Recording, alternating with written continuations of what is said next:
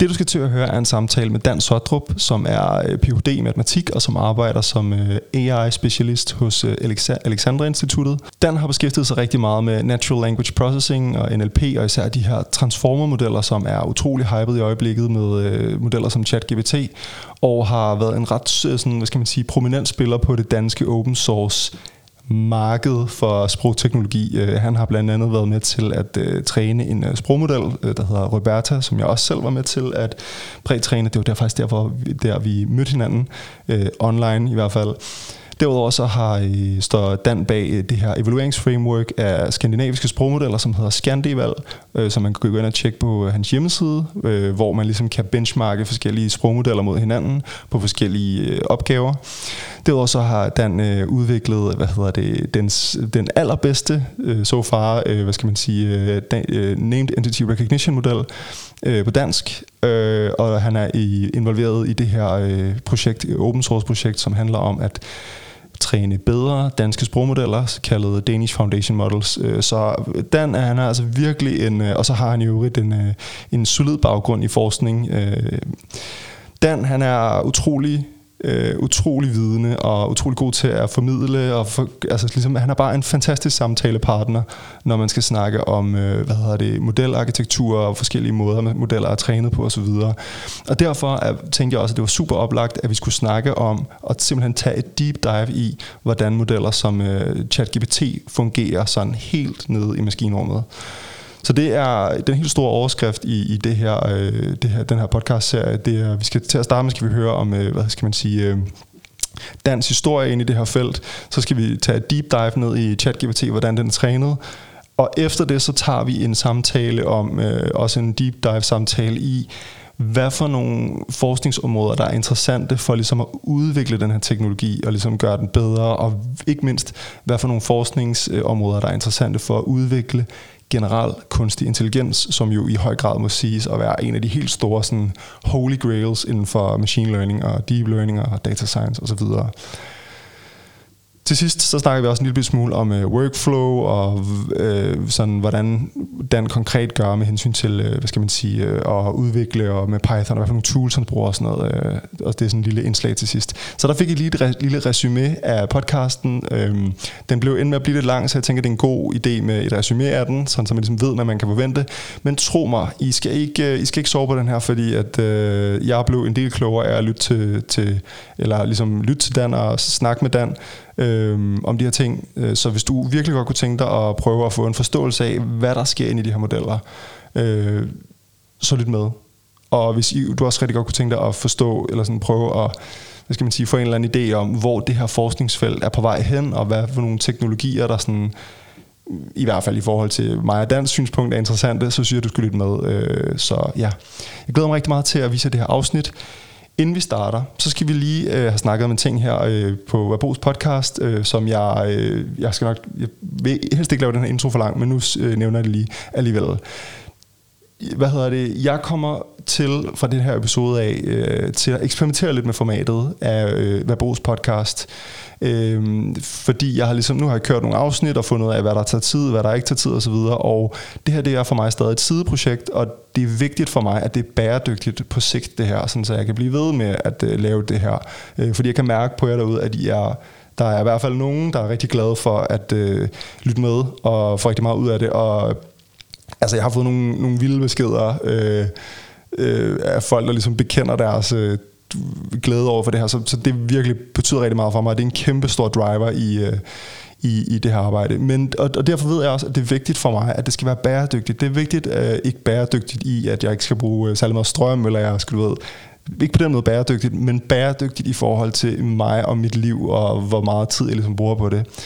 Og der er øh, nogle ting, som jeg har lagt mærke til, tager rigtig, rigtig meget tid øh, ved at, øh, hvad skal man sige, at, øh, at lave sådan en podcast her. Og det er et, det her med, at man skal have gæster med hele tiden. Altså det tager overraskende lang tid at række ud til folk, korrespondere, aftale en dato, få det optaget, mødes og alle sådan nogle ting her. Det tager virkelig lang tid.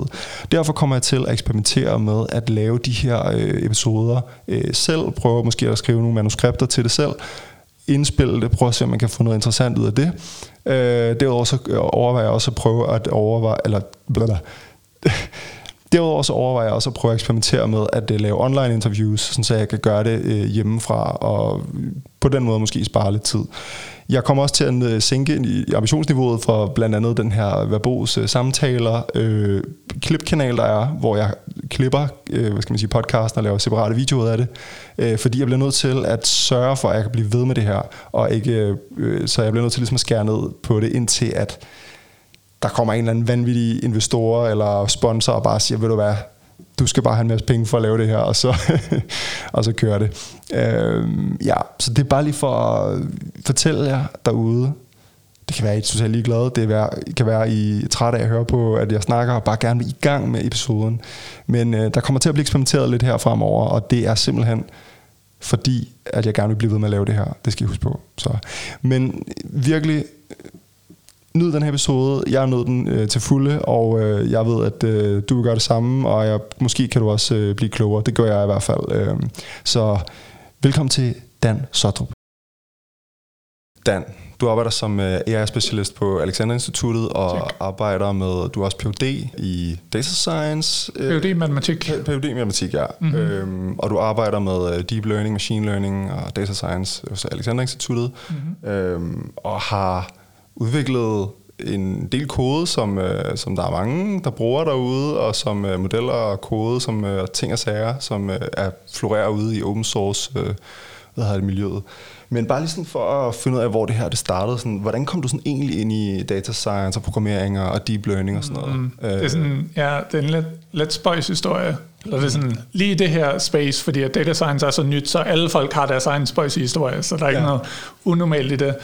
Men øh, jeg synes selv, at det var sådan lidt sjovt. Det var i løbet af min PhD, så det var i øh, starten af 2019. Øh, der var jeg og en tysk PhD-studerende. Vi lavede begge to PhD'er i, øh, inden for det samme forskningsfelt. Vi var blevet inviteret til at besøge den her professor over i USA, som var sådan en af de her big shots inden for det meget niche felt. Så vi var derovre, og vi skulle så besøge ham i fem måneder, nej ikke fem måneder, fem uger. Øhm, og ja, så vi besøgte ham, og det var sådan super intensivt. Altså det var sådan noget fra nærmest du stod op til du gik i seng, så sad du og lavede ting med ham, og vi, øh, Stefan havde ham, den anden phd studerende. Vi delte en Airbnb, og det, er sådan noget, det var også bare, altså, der er sådan matematik øh, skriblerier over hele stuen og sådan noget. og sådan. Hvor var det henne? Øh, det var på øh, universitet, der hedder Rutgers Universitet. Det sådan, ligger tæt på New York. Okay. Ikke sådan så tæt, men du skal lige have toget i en 20 minutter. Og hvad var det, I beskæftigede jer med, som ham her, professoren? Så det var, i, så det, var det, som vores PhD handlede om, som er det her, som hedder mængdelærer, øh, mm-hmm. som er en gren af matematisk logik. Um, så det er sådan meget langt for data science, i form af, at det er en meget... Øh, ren matematik, plejer man at kalde det. Altså, det er meget koblet fra virks- virksomheden. Virksomheden, virkeligheden. Ja. Konsulenten. ja, lavet for meget konsulent. Ja, fy, fy. Ja. Um, men ja, at det handler, det er lidt tættere på filosofi, end det er på virkeligheden. Okay. På en eller anden måde. Så det er meget sådan, øh, det som vi så arbejdede på, var meget metamatematisk, forstået på den måde, at vi arbejdede med de grundlæggende regler, som ligger til grund for al matematik i dag. Oh, så det er sådan, det er så, ja, og det, er sådan, det lyder meget med det 10 regler. Altså det er sådan, det er, okay. ikke, det er ikke vildere end det. Okay. Uh, det var sådan um, en af de sådan store opdagelser, at det ligesom var nok, at man kunne, kunne lave de her 10 regler, og så var det fint og godt. Men efter noget tid, det var så op i 60'erne, 70'erne eller sådan noget, så begyndte der at komme resultater op i matematik, som ikke kunne vises med de her 10 regler. Så det var, sådan, det var som om, de ikke var stærke nok. Uh, altså man kunne hverken bevise de her resultater, eller modbevise dem. Så det var sådan lidt ubesvaret ting, som matematikken aldrig ville kunne svare på. Så det var ikke helt fedt. Mm. Um, til at starte med, da de her resultater kom ud, det var en gut, der hed Gödel, fra Østrig, tror jeg han er. Øhm, så alle matematikerne, de sagde bare sådan, oh, det, er jo, altså det her eksempel, du er kommet med, det er jo ligegyldigt. Eller sådan, der er jo ikke nogen rigtige matematiske problemer, som, som ikke kan besvares. Så gik der, jeg tror det er 20 år eller sådan noget, hvor at Gödel igen så fandt det første eksempel, som var naturligt, som var blevet kåret til en af de her store matematiske problemer af den tyske matematiker Hilbert, som var ligesom øh, en af de ja, store som alle ligesom så op til på mm. det tidspunkt. Um, så ham her Gödel viste, at en af dem, faktisk det allerførste ud af den her liste på, jeg kan ikke lige huske det, 20 problemer i Hilberts liste, som ikke kunne bevises eller modbevises i øh, det nuværende matematiske fundament. Anyway, det ledte til hele det her mængdelærer felt, som arbejder blandt andet med at gøre det matematiske fundament stærkere, så ligesom bygge flere og flere regler oven på de her 10, som, som både skal være naturlige, altså de skal ligesom, det skal ikke bare være sådan nogle, ja det ved jeg ikke, kunstige regler, vi lægger ovenpå, de skal ligesom hoppe op i naturen. Eller hvad skal have en relation til det. Ja, lige præcis. Der skal være, ja, der, der skal være en anden grund til, at man skal have dem, udover bare vil have dem. Eller ja, sådan. Ja. Uh, så det kan være generaliseringer af kendte resultater, eller sådan noget i den stil. Um, så mængdelæren har så kommet på et helt hierarki af regler, uh, som altså bare sådan uendelig langt, uh, så man kan gøre de her stærkere, stærkere, stærkere, og det er så en del af det, som vi lavede uh, begge vores PUD'er inden for, var at analysere ja, to forskellige delmængder af det her hierarki. Okay. Uh, og ham her, professor Gutten, han, uh, han var så meget inde i det, og ja, lang historie kort. Det var en særlig del af hierarkiet, som var super spændende for de fleste folk i det felt. Uh, det viser sig også, at det var sådan noget af det, ja, altså det begyndte at blive så niche, at det er sådan, altså man blev færre og færre mennesker de her, de her konferencer. Ja. Det er, sådan, det er virkelig underligt at sammenligne med, med data science nu, hvor til en konference i den flok i løbet af min PhD, der var vi 30 mennesker, eller sådan noget, 40 mennesker måske. Alle kendte alle. Det var sådan, hvis du tog til en konference, så kendte du sådan 80% af folkene derhen ja. hver gang. Og det var sådan, så det var, det var sådan en lille familieagtigt. Så det er sådan... Mængdefamilien. Ja, ja, lige præcis. Så det er sådan noget, så du gik over og besøgte en, jamen så var der lige, så kendte du dem, der var der, og så var der nogle andre, der kom på besøg her og der, og så skiftede folk postdocs i forskellige lande, i Europa og USA, men, men du kendte dem stadigvæk, og de kendte der, hvor de flyttede hen til, og sådan ja. Så det var sådan lidt hyggeligt. Sådan, mm. øh, men anyway, for lige at komme tilbage til de spørgsmål. Uh, vi var altså på besøg, mig og Stefan, hos ham her, professoren, som hedder Grigor, øh, der på Rutgers Universitet. Og jeg tror i løbet af ja, det vil ikke, et par uger ind, eller sådan noget, når, efter mig og Stefan, vi begynder at kende hinanden lidt bedre, og sådan noget, og snakker lidt mere om vores PUD'er og så videre, så introducerede Stefan mig først og fremmest på det besøg til Git, Uh. Så det var, det var spændende, fordi det var sådan, oh, tech et nyt legetøj, eller sådan. Yeah. Så, øh, så begyndte vi at gøre det, så vi begyndte at ligesom nedskrive de her resultater, som vi, vi fik undervejs, og så videre, um, i separate repos. Uh, så, altså det var bare LaTeX-kode. Ja. Altså det var ikke kode-kode, men det er ligesom bare, at du skriver noget tekst, ja. og noget matematikformler og sådan noget.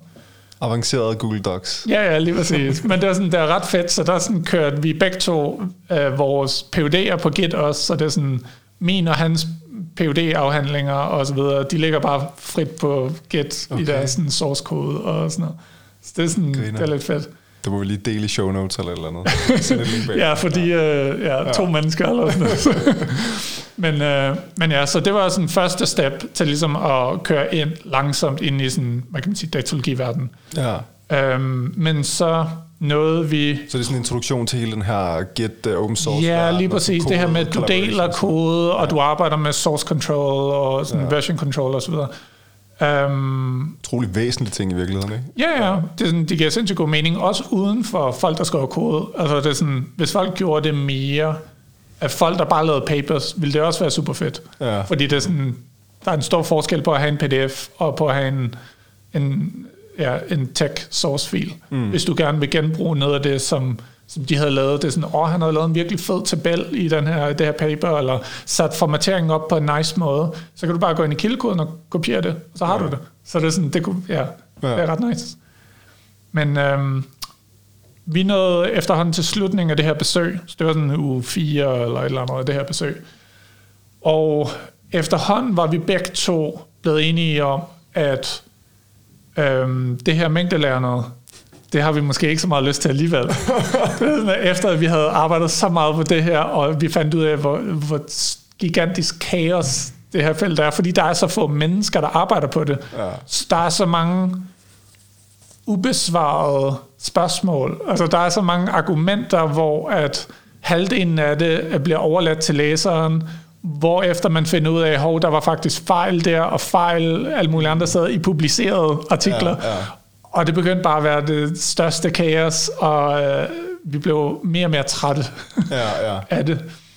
Øh, og det var så Stefan, der igen, jeg tror, ja, i slutningen af det her besøg, vi sad bare og hyggesnakkede en eller anden aften, hvor han så nævnte, at øh, der er det her, øh, det her machine learning halløj, som er sådan ret, ret sejt, eller sådan noget. Mm. Så viste han mig sådan en øh, lille MNIST classifier, han havde lavet ja. i Keras, tror jeg, eller sådan noget. MNIST. Øh, ja, lige præcis. Og det var sådan, åh, fuck, hvor fedt, mand. Og det er sådan, okay. Og det er sådan, snakkede vi lidt om... Øh, sådan matematikken bag, og sådan noget, nå okay, og det er bare lineær algebra og matricer og sådan noget. Åh, oh, det er meget lettere end det her mængde lærer. Det var, ikke, det var ikke det første, jeg tænkte, da jeg fandt ud af, eller da jeg hørte om MNIST. Nå, okay, det var, men, uh, ja. ja. Men uh, så det var sådan, første, første ting, det var sådan, yes, det er lettere, det er sådan, vi kan finde ud af det her, det, det er super nice. En anden ting var sådan, okay, det her det er rent faktisk sådan brugbart, at det ja, er, ja. det er sådan, du kan faktisk lave ting, som ender ud med et produkt, som, som andre kan bruge til noget. Mm. Modsætning til det, som vi lavede mængdelærer, hvor at hvis du endte ud med et nyt resultat, det var ligesom bare en stepping stone mod noget vildere, eller sådan noget. Det var aldrig, der var aldrig et slut produkt. Ja. Så på den måde var det ikke lige så, øh, det var ikke lige så fedt. Øh, det gav der ikke den samme sådan wow-fornemmelse øh, til slut. Så, øh, så det var sådan starten, så begyndte vi at snakke lidt mere om det, og langsomt i sidste uge af det her besøg, snakkede vi mere om det, end om mængdelærerprojektet. Så det var sådan lidt sjovt, og øh, vi begyndte sådan at lave aftaler om, at okay, men skal vi, skal vi prøve at gøre noget ved det her, og sådan noget. Så tog han tilbage til Tyskland, og jeg tog tilbage til England, hvor jeg lavede min PhD. Øh, og så besluttede vi at sætte et øh, seminar op, altså sådan et online seminar, fordi vi var i to forskellige lande, om hver uge, tror jeg, vi startede med, måske hver anden uge, en af de to, øh, mødtes vi online og diskuterede et eller andet paper, som, som vi havde øh, stødt på inden for det her, inden for data science og machine learning. For ligesom at, så har vi et startskud til at lære noget af det her. Vi gennemgik også øh, flere bøger, hvor vi tog et kapitel ad gangen mm. øh, til de her seminarer. Um, og det var sådan, ja, det var, det var ret fedt. Vi har stadig det seminar i dag, tre år optaget, senere. Eller, eller, eller, nej, nej, vi har ikke optaget Nå, noget. I, I kører det stadig? Vi kører det stadig. Okay. Uh, og det er sådan, at der er kommet flere, jeg tror i løbet af, altså vi blev begge to færdige med vores PhD'er, blev ansat forskellige steder og sådan noget, så begyndte der at komme andre med på, i det her seminar, Uh, så der var på et tidspunkt, hvor vi var, tror vi var fem, var nok max. Men så er det et sted mellem tre og fem-agtigt, ja. har vi været siden der, hvor det er sådan, nu er vi efterhånden nået igennem de her bøger, sådan hele bøger, øh, nået igennem en masse papers, vi gennemgået for eksempel sådan noget Transformers paper, lige da det kom ud, og sådan noget, og lært sådan, hvordan er det, det fungerer, og sådan nogle ting, snakket noget om det. Øhm, og ja, og så nu har vi jo ligesom bare vedligeholdt det, og sådan, så kommer der nogle nye papers ud om alt muligt, og så snakker vi om det. Ja, okay. Øh, Hvor langt tit er det? Så det er hver anden uge nu. Okay. Øhm, så det er det er nice. ret fedt. Ja. Jeg, kan ikke, jeg bliver nødt til at afbryde her, fordi jeg kan ikke lade være med, at der er lidt ondt af professor Grigor, eller Grigor, ja. som inviterede jer ja, jeg til ved det godt. universitet jeg ved det godt. for at forske i noget. Det er noget, det han synes for alt. Ja, det er ja, ja. Hans og det var så bare... Er der fem uger, I kommer tilbage fuldstændig ligeglade og totalt... Øh, vi, vi arbejdede, eller vi prøvede at, at arbejde videre på de her resultater, øh, hvor det sådan, vi har sat en plan op, og så videre. Vi begyndte at arbejde videre på dem, videre på dem. Der var bare det ene problem efter det andet, efter det tredje, og så videre. Ja, okay. At det sådan, vi fandt huller i vores argumenter, og sådan noget. Det var meningen, det skulle være en del af min phd afhandling øh, og det var bare sådan, ja, arbejde 24-7 for at ja. prøve at få det til at virke. Og som, som det virker som om, at du også øh, er kommet fra et, et rimeligt tørt sted, eller, eller, eller sådan meget øh, lille nichested, hvor der har været meget, altså få mennesker, der har beskæftiget sig med det, og dermed også, øh, et, dermed også et mindre community. Mm. Og det virker som om, at øh, det har været en, en, en sådan øjenåbner sådan at komme ind i et, et andet område, hvor Helt der jo er et, øh, global community i forhold Helt til at udvikle de her ting. Præcis. Det er jo Det er bare sådan mængden af mennesker og mængden af ting, du kan lave, og det er bare sådan noget, altså du har bare uendelig mange muligheder lige pludselig. Mm. Hvor de mængdelærer, det var sådan hyper specialiseret, ja. så der var meget få ting, du i virkeligheden skulle lave, eller kunne lave. Uh, og det var sådan noget, hvis du gerne ville forbedre et resultat inden for et eller andet, skulle du lige bruge to år på at lære alt det baggrundsmateriale, der har ledt ja. folk til at komme dertil. Så det er også bare meget sådan, ja, det blev meget træt. Men det virker også som et interessant forskningsområde, fordi det virker som om, at hvis man kunne komme ind i det område, mm. og, altså, som jo ligger på en eller anden måde under mm. matematikken, virker det til, øh, mm-hmm. hvad du siger. Og hvis man ligesom kan finde noget der, så er det, du ved, så du ved, matematikken er ligesom bygget oven på det her. Hvis man så ligesom kan hive tæppet væk under der, så kan man, du ved, Helt sikkert. noget vildt, ikke? Helt sikkert. Så det, sådan, det, var super, altså det var super fedt. Det var jo derfor, jeg lavede PUD'en, fordi at mm. jeg synes, det var super spændende. Det var mere bare sådan, og jeg tror op til det punkt, hvor at jeg fandt ud af, særligt alle de her huller, der lå i den nyeste forskning, og at du ligesom bare løb tør for folk på en eller anden Ja, plan. Altså ja, lige ja. pludselig, så var der sådan, altså selv til de her konferen- konferencer, vi tog til, der var der sådan, der var ham der, Grigor og Stefan og mig, og så måske en eller to andre, som vidste, hvad det handlede om, altså som vi ja, kunne okay. diskutere med. Og så begyndte det også... Altså på verdensplan, simpelthen. det var på verdensplan, ja. Så det var bare sådan, så det var sådan Det må være sådan okay, måske er det her... Øh, altså, og så samtidig finde de her huller, men du har ikke nogen, du kan diskutere med om dem, Nej. Fordi dem, der har lavet hullerne, er nogle af de andre. Eller sådan. Ja, ja, ja. Så det var sådan, ja... Så det var en, øh, en sjov blanding af... Jeg føler lidt, at det må være ligesom at være Tycho Brahe tilbage i 1600-tallet. Ja, lige præcis. Det er sådan lidt Palle alene i verden. Er der ikke fucking nogen, der Ja, lige synes, præcis. det er fedt det her? Præcis. Så det var sådan, jeg tror, det var meget den der kontrast mm. mellem det. Fordi altså, det var jo stadig spændende, men det var bare sådan, altså den der cost-benefit. Ja. Altså, det, du skulle virkelig yde meget for at få det mindste resultat. Hvor at i data science, der var det sådan, oplevede jeg det sådan nærmest omvendt, eller sådan, man kunne opnå sindssygt meget med ret få midler, altså sådan mm. teoretiske midler et eller andet, øhm, som gjorde det ret fedt at kunne lave mange ting. Øh, og særligt det her med, at det er ting, som folk rent faktisk bruger. Ja. Øh, at det er sådan, ja, det, ja, man føler sig lidt mere sådan værdifuld på en eller anden måde, Ja, at ja, ja. jeg bidrager mere til, til, Mere taknemmelig på en ja, måde. til samfundet og sådan noget, hvor at det andet, det er sådan, jeg sad i min egen lille boble, og Ja. hvis jeg blev i det felt, så ville jeg blive siddende i den boble, og det, er sådan, det vil aldrig blive vildere end det. Mm. Um, så det var sådan lidt en sjov eye-opener. Ja. Så det var sådan, da jeg kom hjem fra det, um, det her besøg, forskningsbesøg, så lagde jeg bare en plan for mig selv, mere eller mindre, fordi det er sådan, okay, men det her, det, det havde jeg besluttet på det tidspunkt, det vil jeg gerne øh, give et skud. Jeg vil gerne prøve at se, om det her det er noget for mig. Jeg vidste godt, at det kunne godt være, at det bare var sådan en fase, så det var sådan, okay, men jeg giver det, jeg kan ikke huske, hvad jeg lagde en plan for, eller tre måneder eller sådan noget. Hvis jeg stadig synes, det er spændende efter tre måneder, så er det okay, eller sådan, mm. så kan jeg ligesom gøre det.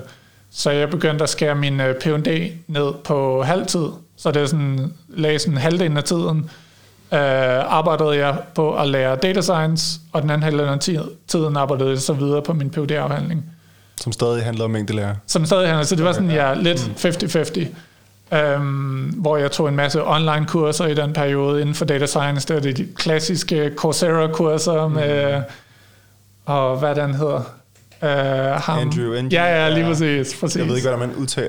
Altså, Ja, det, Andrew, mm. og så NG, ikke? Ja, mm, ja, jeg ved det ikke. Andrew NG.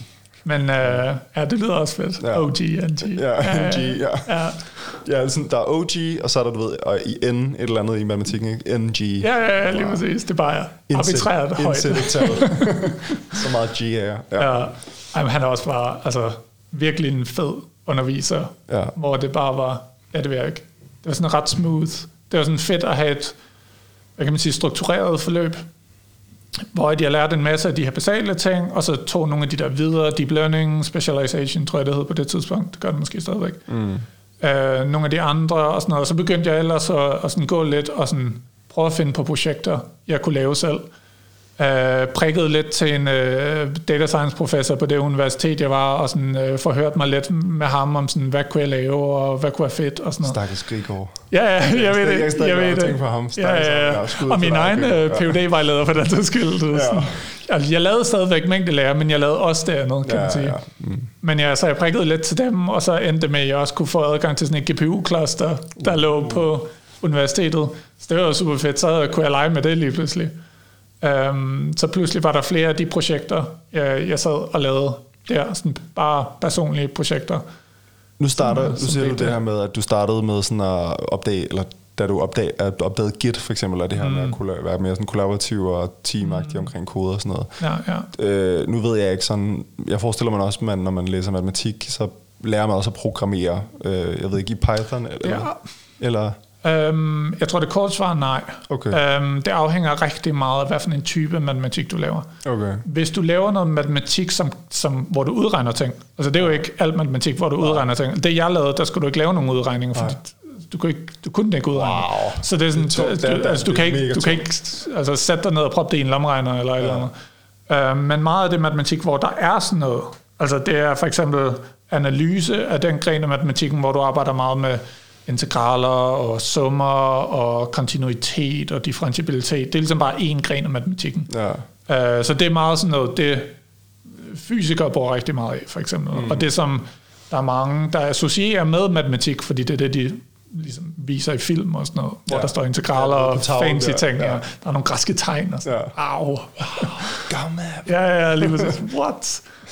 Um, men der er mange andre grene af matematikken også, hvor at du ikke kan udregne ting på, øh, altså på en lomregner. Der er algebra for eksempel, som er studiet af sådan strukturer i matematik frem for de enkelte tal. Uh, så du arbejder aldrig med tal i algebra for eksempel. Så har du øh, altså logik, som jeg arbejdede i, som er sådan igen det her meta-niveau. Og så er der en masse andre geometri, for eksempel arbejder du til dels nogle gange med noget tal, men der er også nogle gange, hvor du går væk fra tallene og arbejder mere på sådan former generelt. Ja. Um, så det er sådan, øh, der er lidt noget, noget Det er forskelligt. ikke nødvendigvis programmering er lige med matematik er lige med, altså Præcis, der er nogle grene af matematikken, hvor du bruger programmering. Altså der var flere af mine phd kolleger som brugte programmering, øh, hvis de skulle lave meget sådan noget kombinatoriske udregninger, hvor du skal finde alle kombinationer, der opfylder et eller andet, som ja. gør et eller andet, så bruger de nogle særlige programmeringssprog til det.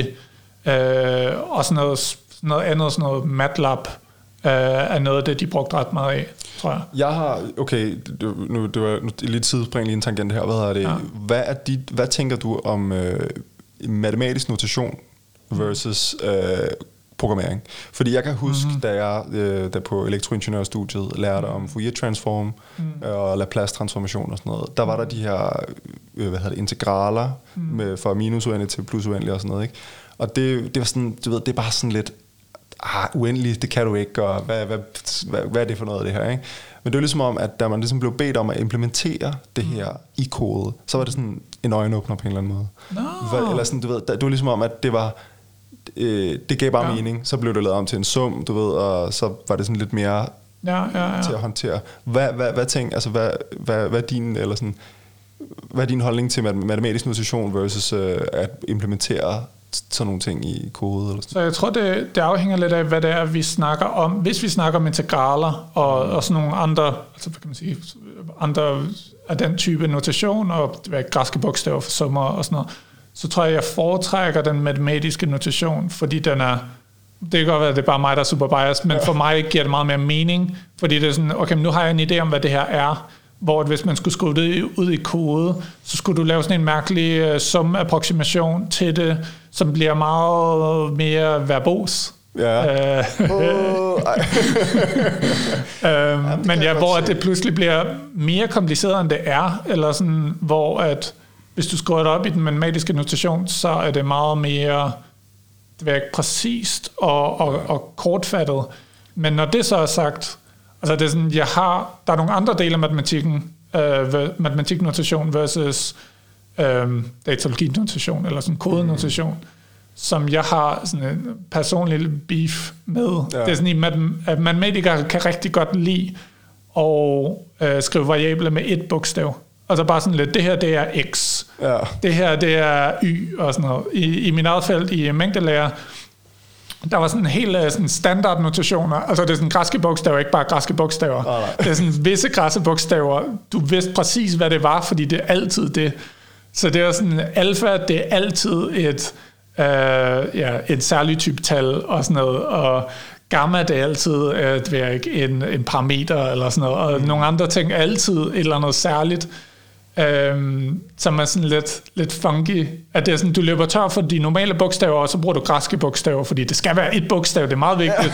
så det er sådan, hvor at i datalogien og i, i kode, altså der, der skriver du bare, hvad det er. Altså det kan godt være, at det ikke er et bogstav, men så skriver du et ord, hvor du siger, det her, det er, det er ikke antal et eller andet. Mm. Eller sådan, bare sådan, okay, så kan du læse variablen, du kan se, nå okay, det er det der. Ja. Hvor hvis du læser et eller andet matematisk paper, hvor de måske jonglerer 15 forskellige variabler eller sådan noget, altså du skal konstant gå op til den der oversigt, hvor, ja, ja. hvis de har en oversigt over, hvad det er. hvis de har, ja. ja, ja. Det er sådan, der var en bog, øh, jeg læste i løbet af min bachelor, tror jeg det var, um, hvor at i den bog, de brugte så meget notation, at det sådan, de havde en særlig ud i magnerne af bogen, der havde de, der satte de, for eksempel lad os sige, hvis notationen var, det var x, y, z, så stod der et x der, hvor x blev introduceret, sådan at du kunne bladre tilbage og lede efter x i magnerne, og så kunne du finde ud af, hvad x var. Ja, men ja. du skulle konstant gå frem og tilbage. Du kan ikke bare sådan, der var ikke nogen navngivning. Det var ja, bare ja. X eller alfa eller eller Så der er forskellige kulturer inden for det der i, i forskellige verdener. Ikke? Men jeg ja, synes ja, også, præcis. Jeg synes også, øh, når man har studeret matematik, så er det også sådan, at jamen, så er der nogen, der bruger alfa til det her, men... Øh, præcis, de det betyder andre, noget helt andet altså, til det Der er også forskellige konventioner inden for matematik om, hvad de forskellige ting betyder, ikke? Præcis. Øh, ja, så det, men det er nok det er meget sjovt, det der med, at det skal være et bogstav. Ja, ja, ja. Og det er sådan, hvis du går ud til sådan noget, altså noget, hvad kan man sige, basalt i matematisk sammenhæng, sådan noget som komplekse tal for eksempel, hvor mm. at den her imaginære enhed i man, øh, blandt matematikere skriver vi som i. Ja. Hvis du er ingeniør, skriver du j. Ja. Og så er det sådan, nå okay, det betyder præcis det samme, ja, men, ja. men vi har lyst til at kalde det forskellige ting. Ja. Fordi der er noget clash med anden notation. Og sådan. Ja. Ja. Det er fucked. Ja. Okay, Nå, det var lige en tangent, jeg ville bare lige høre fordi det havde jeg tænkt over. Øhm, ja. Men der ligger jo noget, noget, når man skal gøre det diskret og bruge det i datalogien, så er der noget med, så er der nogle ting, der ændrer sig, går jeg ud fra. Mm. Øh, men det, jeg godt tænke mig at høre, det var, at det, der, det lyder også som om, der har været en, der har været en rejse for dig i, fra mængdelæren over i mere data science, machine learning, deep learning øh, verdenen. Men det virker også som om, der har været sådan en, en, en, en rejse ind i øh, kode online kodekultur på en eller anden mm. måde, eller sådan open source kultur og sådan ja. Python og sådan nogle ting. Ja, ja, og det startede lidt på samme tid, kan man sige. Netop ja. på grund af, altså Git blev introduceret ja. samtidig som Data Science blev introduceret, så jeg begyndte ligesom bare at lave alt på GitHub mm. fra den dag nærmest, altså ja. der i februar 19, ja, ja. hvor det var sådan, om det var min afhandling, eller om det var et kodeprojekt, eller om det var en af de her online-kurser, jeg var ved at tage, altså man skulle lave nogle øvelser i det. Det hele, det var bare sådan, bare spændt ud på GitHub, ja. faktisk. Uh, Hvad så med noget kode, og vi, vi har også, øh, vi kender jo hinanden i forvejen, og vi har også øh, online diskuteret sådan noget med PipEnv og Poetry og forskellige mm. tool, Conda og sådan noget, forskellige tools til at styre miljøer øh, i Python og sådan noget.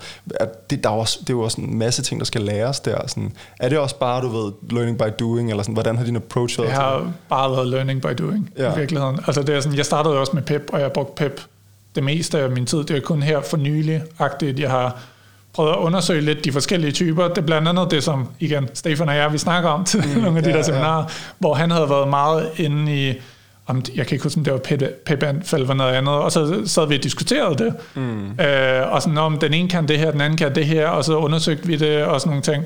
Fandt vi ud af, nogen, der var gode til noget, nogen, der var gode til andet, og også bare eksperimentere. Ja, ja. Altså det er sådan, særligt hvis man sidder og arbejder på en masse hobbyprojekter i sin fritid, som hvis man er ny til data science, altså det, det er en rigtig, rigtig god ting at gøre, mm. fordi det tvinger dig til at lære de her værktøjer, og ligesom bare blive fortrolig med hele processen, at når du så skal lave det for real, så er det sådan lidt, nå jamen, det her det mindede lidt om det der projekt, jeg lavede, ja. og det mindede lidt om det andet projekt, jeg lavede.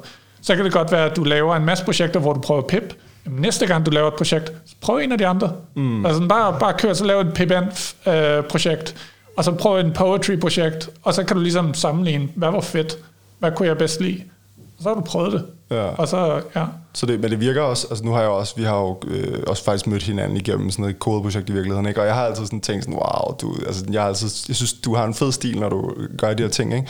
Øh, hvad det? Men jeg tænker bare sådan, at øh, der er vel også en eller anden, øh, jeg tænker sådan, har du en eller anden metode, eller sådan, hvordan sørger du for, at du hele tiden lærer nyt? Prøver du forskellige ting hver gang? Eller sådan, fordi man kan hurtigt sådan komme til at gå ned i, i et, et spor, du ved, eller sådan, øh, eller sådan, det virker bare som om, at, at Ja. du har været sådan meget, øh, sådan, hvordan kan man ellers gøre, eller sådan meget nysgerrig på, øh, Ja, øhm, ja, jeg tror egentlig bare, det er... læse hvis- hvis, andres hvis- kode måske også, sådan, Ja, hvis både- du, nogen, ja. nogen, du, man tænker, de der, de, de, de har lavet nogle vilde ting, Ja. gå ind på deres GitHub og måske læse deres kode, hvordan Ja. har de gjort, undersøge det, eller sådan, hvad, Ja, jeg har tror, du nogle både- metoder der? Sådan, Ja, jeg tror både læse deres kode, men jeg tror også bare, altså sådan, jeg følger en masse random folk på LinkedIn og på Twitter og hører en masse podcasts om alt muligt, og så nogle gange, hvor så snakker de om det ene, så snakker de om det andet. Så er det sådan, nå, det, det lyder som en øh, ny fancy ting, som man kunne prøve. Så lad mig prøve det, Ja, faktisk. Ja. Uh, jeg tror, det er virkelig sundt som udvikler at ikke sætte sig fast på en metode, eller på et sprog, eller noget som helst. Det kan jo være, om Python er død om fem år, eller sådan noget, ja. så skal vi alle sammen videre. Så er det måske meget godt at have prøvet noget andet Ja. end Python, mm. eller en, det ved jeg ikke, poetry, eller alt muligt andet. Um, så jeg tror, ja, jeg tror bare, det er nysgerrighed. Så lære hurtigt, eller sådan være hurtigt til, eller sådan at prøve. Ikke nødvendigvis hurtigt. Altså, jeg synes ikke selv, jeg lærer sådan super hurtigt.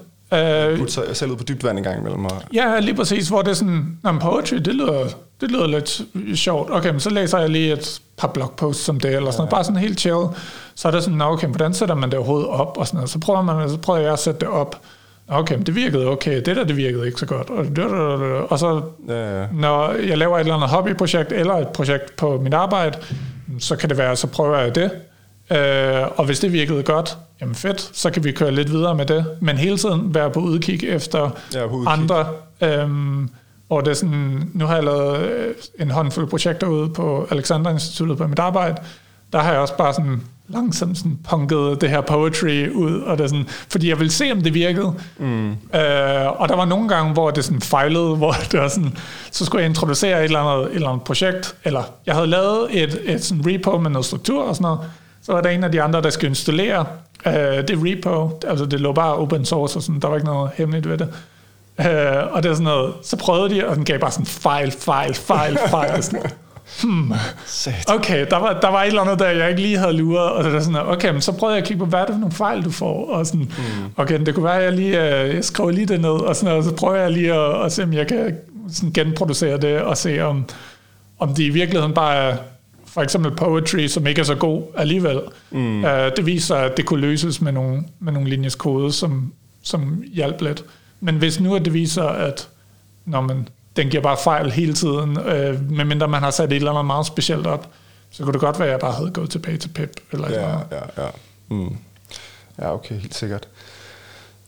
Du har jo øh, beskæftiget dig en del med NLP også øh, inden for deep learning, og det er jo faktisk også der, hvor vi mødte hinanden sådan rigtigt. Det var da du skrev inde på Dansk Data Science Community øh, LinkedIn-gruppen, at der var en eller anden konkurrence, hvor man kunne få lov til at få nogle øh, TPU'er, så man kunne træne øh, et eller andet, whatever man havde lyst til. Mm. Og så foreslog du, at vi skulle øh, træne en øh, skandinavisk øh, Roberta, og det blev så til en dansk øh, Roberta, som er en, måske en af de dårligste sprogmodeller, der Vi lavede også en skandinavisk model. Ja, det altså, vi lavede ja. faktisk, at den skandinaviske er lidt bedre til dansk end Ja, den danske. Det ja. er lidt sjovt. Så men det var, det, men det var et sjovt projekt, der var meget mm. lærerigt og så videre. Og mm. siden da har du jo ikke, du er ikke stoppet med at beskæftige dig med dansk sprogteknologi. Mm. Du har også udgivet, øh, eller sådan trænet en, en, en, du har jo lavet, hvad hedder det, det her... Øh, Scandival, øh, hvad hedder det, projekt, som ligesom er et framework til at teste skandinaviske sprogmodeller, som også bliver plottet op på øh, hvad hedder det, en hjemmeside, hvor man kan benchmarke mod hinanden på forskellige opgaver. Mm. Øh, så har du trænet en øh, dansk nærmodel, som er vel stadig ubesejret i øh, state of the art, eller en skandinavisk i hvert fald, ikke? Ja, og det er sådan virkelig random. Lige sådan, altså den model, det var, altså det var slet ikke ment som i noget, noget seriøst projekt ja. eller sådan noget. Det var bare sådan noget, altså jeg tror, jeg var tror, det var en eller anden random juleferie eller sådan noget. Ja. Hvor det var sådan noget, jeg var på besøg hos min mor i to-tre uger eller sådan noget. Så julede vi og sådan noget. Så var der nogle dage, hvor det sådan, så skete der ikke så meget. Så, det sådan, nå, men så sad jeg lige en dag og prøvede sådan, kunne man lige, sad bare i en eller anden notebook og sådan, kunne jeg ikke lige uh, hente de her datasæt ned og lige uh, køre den her? Så kørte jeg den sådan bare sådan, Nysgerrighed. Jamen, så, så, så kørte den ligesom bare i, uh, baggrunden inde på et eller andet værelse, gik jeg over med de andre igen og sådan noget. Så vågnede jeg op næste dag, hvor når man så er blevet færdig med at træne, og det ser meget godt ud. Så det er sådan, prøvede jeg lige at lave lidt eksperimenter med, sådan, det var meget omkring, hvilke skandinaviske sprog skulle inkluderes, sådan, hvis jeg nu tog islandsk med eller uden, eller tog svensk eller norsk og sådan nogle ting. Uh, hvilke datasæt skal vi smide ind og sådan noget. Så prøvede jeg bare at meske det hele sammen. Uh, og så viser det sig, at det fungerer bare super godt. altså, og det er sådan super random, at det er sådan, det, er det var sådan, jeg skulle lige sådan clean den der notebook lidt op, og sådan lige sådan uh, push. Ja. og så blev den smidt op på, uh, op på Hugging Face Hub, og så, ja, jeg synes, det er sjovt, at det er, sådan, at det er den model, som bare viser sig at ja. fungerer super godt. Og det er sådan, jeg har ikke lavet noget seriøst arbejde på ligesom at prøve at gøre den bedre eller noget. Det har ligesom bare været, det er stadig den model, der ligger deroppe. Det var sådan, whole state of the art, no, Ja, ja, præcis. Og det var sådan, ja, det er ret random. Men det er nice i hvert fald, og du arbejder også i, øh, hvad hedder det, på at udtræne sprogmodeller nu her også. Øh, mm. Så, og derfor tænker jeg, at det vil være oplagt at snakke om NLP, fordi det er jo et spændende felt, og især lige i øjeblikket, øh, vi mm. er den 17. januar 2023, Øh, der er jo et, øh, en, en, en ret stor opmærksomhed på hvad hedder det, sprogteknologi, fordi øh, OpenAI har åbnet adgang til deres øh, sådan nye model øh, ChatGPT. Der har været rimelig meget hype omkring den her mm. model. Jeg tror hvis roligt, man kan sige, især hvis man er, ja, det er jo alt fra øh, mainstream radio og tv til alle steder, øh, hvor man ligesom har snakket om den her, og den er begyndt at skrive elevernes skoleopgaver mm. og alt muligt, og så videre, så videre. Øhm, først og fremmest, hvad tænker du om al den her hype, der er omkring det her? Ja, altså det er sådan... Fordi altså, vi har jo på en eller anden måde, vi har jo siddet med sådan noget, ikke fordi sådan, åh, oh, vi var de OG's, men altså, ja, ja. det er bare sjovt. Jeg synes personligt, det er sjovt at se noget af det der, man bare sad nørdet med, hvor sådan, folk du ved, synes, det var lidt underligt og sådan noget. Mm. Der er ikke så mange, der har, og har været så meget opmærksomhed på det. Og så lige pludselig, øh, ja, hvad tænker du om al den hype, der har været omkring det? Ja, altså det er sådan, jeg synes, det er sjovt, at det er sådan, lige det her felt, at der er de her hypebølger, som kommer ja. og går, og der er sådan, for hvornår var det hele, alle de her øh, tekst til billedmodeller, billedgenereringsmodeller, det var for midten et halvt år siden. Midten af sidste år, ikke? Cirka ja, maj eller sådan noget. Ja, ja. Hvor det sådan, to, ikke? Præcis, der var sådan en kæmpe hype om dem, og så kom der helt vildt mange af dem, og så er der sådan, og så døde den lidt. Ikke helt, men altså den faldt ligesom ned. Det er stadig populært med Stable Diffusion og alt det her, men, men det er ligesom, det faldet mere til ro. Og så gik der noget tid, og så pludselig så var der sådan en, en kort hypebølge med, nej, nu er, det ikke, nu er det ikke billeder, der er interesseret med, interessante mere, nu er det lyd, fordi nu er der whisper. Og så vil alle have whisper. Og så er det sådan, ja, okay, fordi det er jo bare sådan, den kan jo slå alt, og det er, sådan, det er det bedste i hele verden, og sådan noget. Og så døde den hypebølge, og så var det sådan, okay, men nu er det ikke lyd, der er interessant mere, nu er det tekst, fordi ja. nu har vi ChatGPT. Oh så det er sådan, altså ChatGPT, jo, altså dens hypebølge har varet meget længere og blevet meget vildere end de andres. Billed, billedgenererings hypebølgen var også ret lang, og kører stadigvæk til en, til en vis øh, grænse, men men jeg synes, ja. der er ret godt liv alligevel i communityet, sådan med Stable Diffusion. Ja, ja, til, helt sikkert, men i forhold til ChatGPT lige nu, altså ja, det er sådan, vi drukner i ChatGPT. Fuldstændig. Og, det er sådan, og selvfølgelig giver det også mening, at øh, hele det her billedshow, altså det var jo super fascinerende, fordi at det var ting, som meget få af os kan lave. Altså vi kan ikke sætte os ned og lave, altså tage det var ikke, et billede af den type, tegne det her, eller øh, det var ikke male det her billede hvor tekst er lidt anderledes. Det er lidt mere sådan, øh, ja, det vil jeg ikke, det er kødhakkeren på en eller anden måde. Altså det er bare sådan en, en standard ting. Vi kan alle sammen skrive noget tekst. Ja. Så vi kan finde noget at trykke på nogle knapper på et tastatur. På en eller anden måde. Ja, det er ikke lige så sådan... Selvfølgelig ikke lige så visuelt, ja, men... Ja, jo, ja. ja. Men altså, det er ikke lige så sådan, wow, at den kan lave noget tekst. Nej. Men det er mere anvendeligt end billederne er. Hvor billederne, det var mere sådan, wow, fordi det så pænt ud og så var det ligesom det. Mm. Eller sådan, der var ikke nogen use cases direkte. Der er nogen selvfølgelig, men der er ikke lige så mange som med tekst. Hvor at tekst blev først rigtig populær, lige da den launchede, så de fleste reaktioner var jo bare sådan noget, Nå, men den er meget fin. Eller sådan, Nå, men jeg kan skrive noget tekst, okay, fint nok. Og der kommer et svar tilbage, okay, fint nok. Ja. Så gik de videre. Um, ja, det er sjovt, fordi sådan havde jeg det egentlig også lidt, var sådan, nå, ja, okay. Det ja, ja, lige præcis. Ja, jeg kan huske lige, da de åbnede op, så prøvede jeg også lige på dansk, og sådan, nå, det fungerer egentlig meget godt. Okay, fedt, videre. Ja. det var sådan endnu en model, agtigt. Uh, hvor så begyndte alle de her cases at komme op med, så begyndte igen elever at bruge dem til deres uh, hjemmearbejde og en masse andre forskellige ting, at de begyndte at bruge alle de her ting, selvom der egentlig ikke, der er ikke noget API til det her chat-GPT lige nu. De har lavet sådan, uh, der er et open source, sådan falskt API, mm. som er lidt sjovt, at det er sådan, OpenAI har ikke udgivet et API nu, men det her, det her produkt, ChatGPT, bliver brugt i sådan helt vildt mange produkter lige nu, hvor, det er sådan, hvor de bruger det her, gætter jeg på, falske API, så altså ligesom bare går ind på hjemmesiden, skriver det i boksen, og får ja, ja, ja. suger resultatet ud. Det er, sådan, det er ret, ret funky.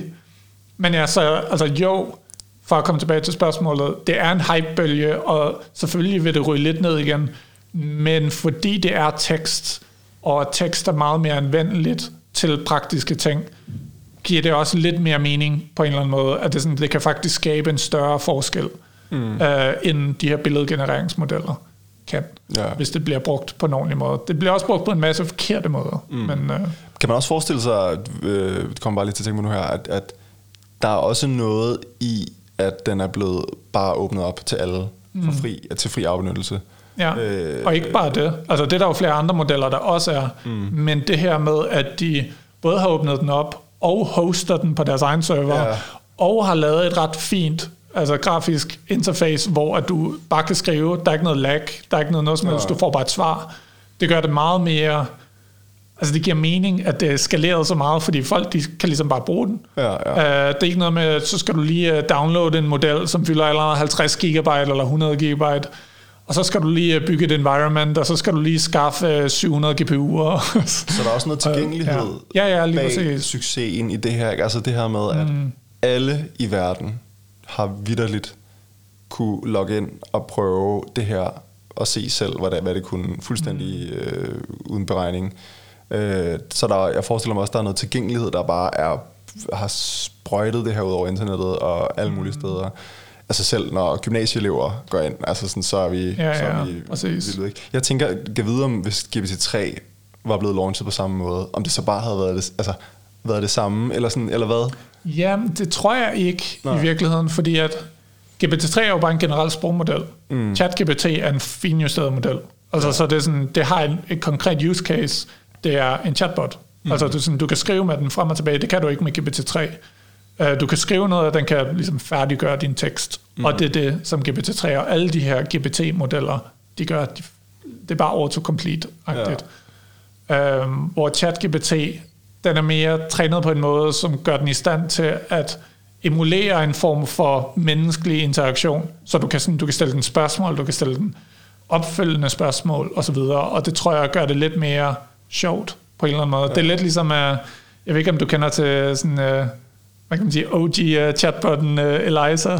Jo, den allerførste der, ja, ja. den er regelbaseret. Ja, ja, ja præcis. Den, og det var jo, altså, en succes, måske ikke en lige så stor succes som ChatGPT, men der var masser af folk, der ligesom interagerede med den, og sådan noget, fordi at det ligesom var sjovt, ja. at du kan skrive med den, og sådan noget. Det er ikke bare et værktøj, hvor at du kan teste nogle benchmarks eller sådan noget. Altså, du kunne rent faktisk bare have en samtale med den, Øhm, om det var en naturlig samtale med Eliza, det er måske lidt, Nej, lidt ja. mindre, men, øhm, men det tror jeg gør, det, gør folk mere motiveret til ligesom at bruge den, mm. frem for bare en, en model, der kan færdiggøre tekster.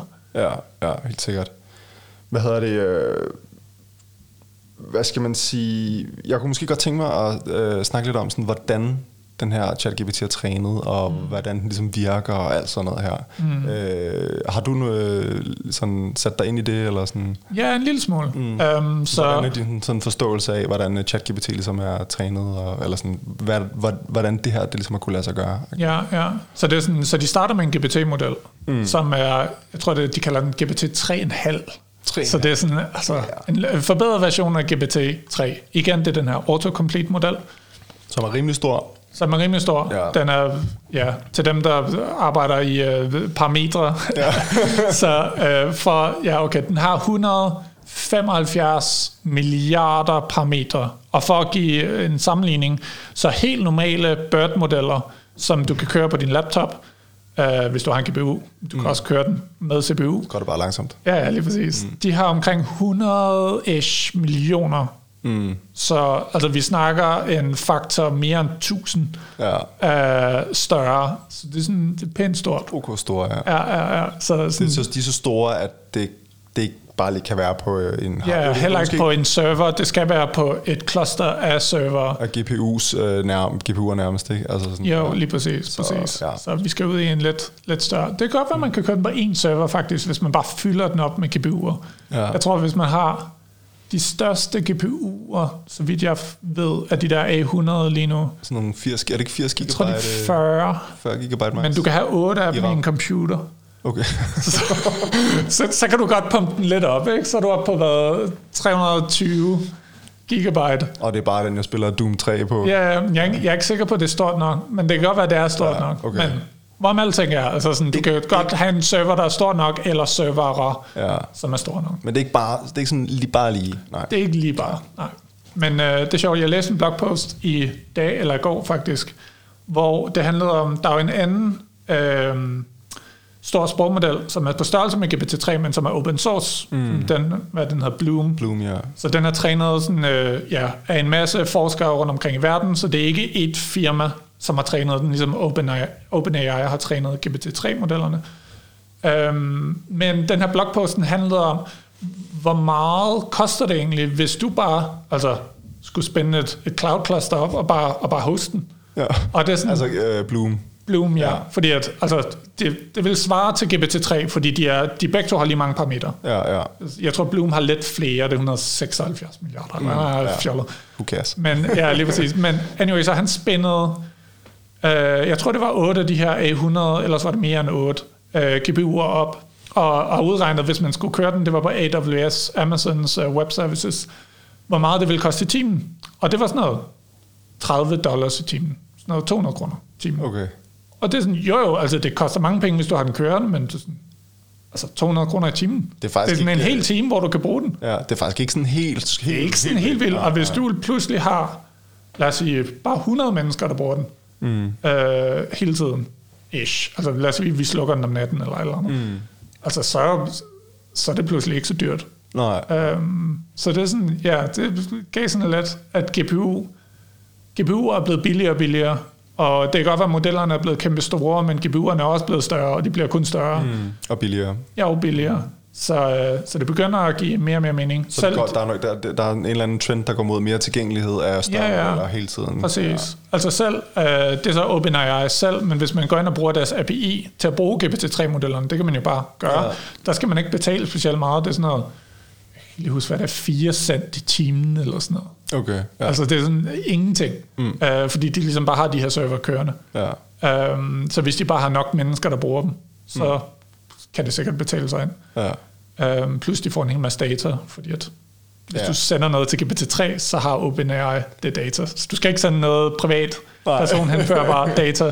Det kommer til at ligge på en amerikansk server. Ja, ja, ja. Um, men ja, anyway, så det var den blogpost. Hvor var det, vi kom fra? Jamen, vi, vi snakker om, hvordan uh, ChatGPT er trænet. Ah, ja, ja okay. Og så der anyway. snakker vi om, at ja. den baserer sig på 3, GPT 3,5. Yes, mm. så det er ligesom første step. Så, så der øh, har man den her store sprogmodel. Præcis, så der er flere forskellige steps i den her proces. Mm. Så allerførste uh, step, det er jo, at det er jo bare en autocomplete model. Ja. Vi vil gerne have, at den... Og, den, og den er trænet til at uh, predikte det næste uh, ord det, i en sætning præcis. på gigantisk skala. På gigantisk skala, ja. ja. Så den, Overraskende set den ikke sådan kæmpe... Altså det er sådan noget, jeg kan ikke huske, hvor stort træningsdatasættet er. Det er sådan noget, et sted mellem 2 og 500 gigabyte, tror jeg, eller sådan noget. Så det er sådan, jo jo, det er meget tekst, men det er sådan noget, ikke, det er ikke latterligt stor tekst. Altså, jeg kan have det på min bærbar. Ja, altså, ja, ja, det, det, er sådan, altså, det er sådan, ja, det var sådan lidt sjovt, at det er sådan, de skal lære parametrene op helt vildt meget, men datasætten er cirka lige stor. Ja, ja, ja. så mm. ja, det er lidt funky. Anyway, så de starter med den her prætrænede model, GPT 3.5. Så vil de gerne have, at den skal have nogle chatbot-egenskaber. Mm. det er ligesom første step. Så de træner, de fine-tuner eller finjusterer den her model til et chatbot-datasæt.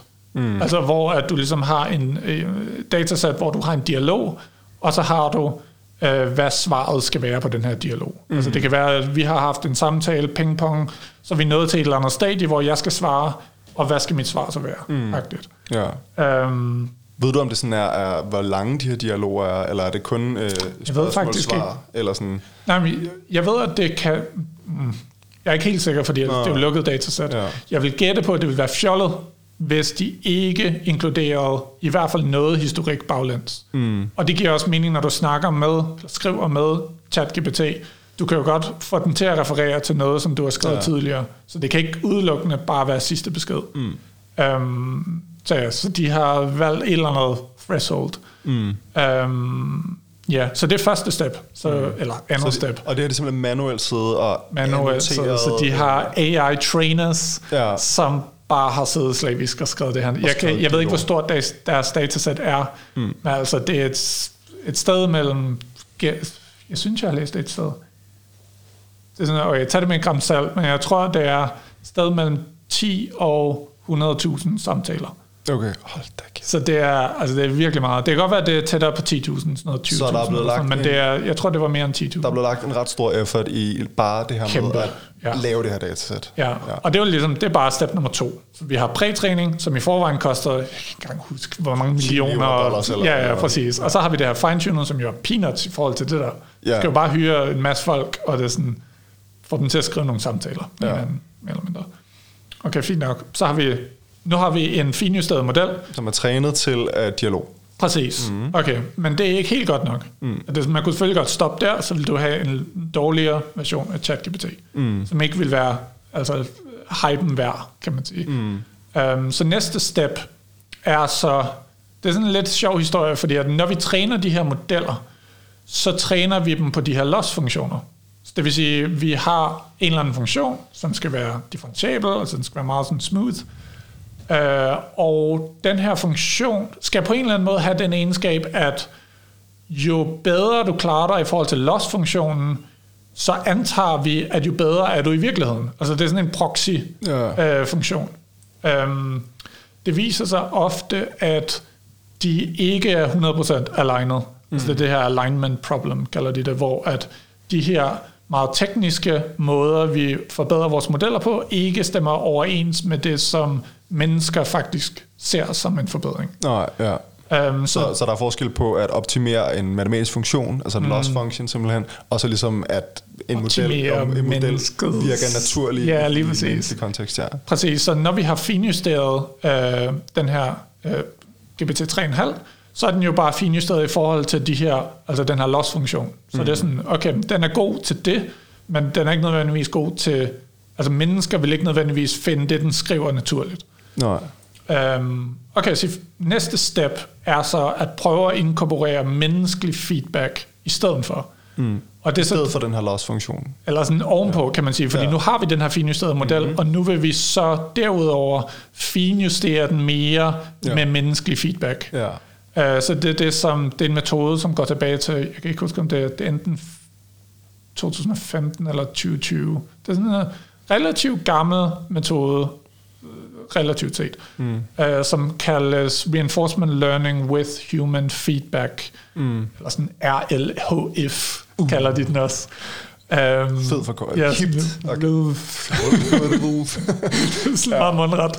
nice. Øhm, men det, som den gør, det er først og fremmest, så det er reinforcement learning. Okay, men lad os glemme det for nu.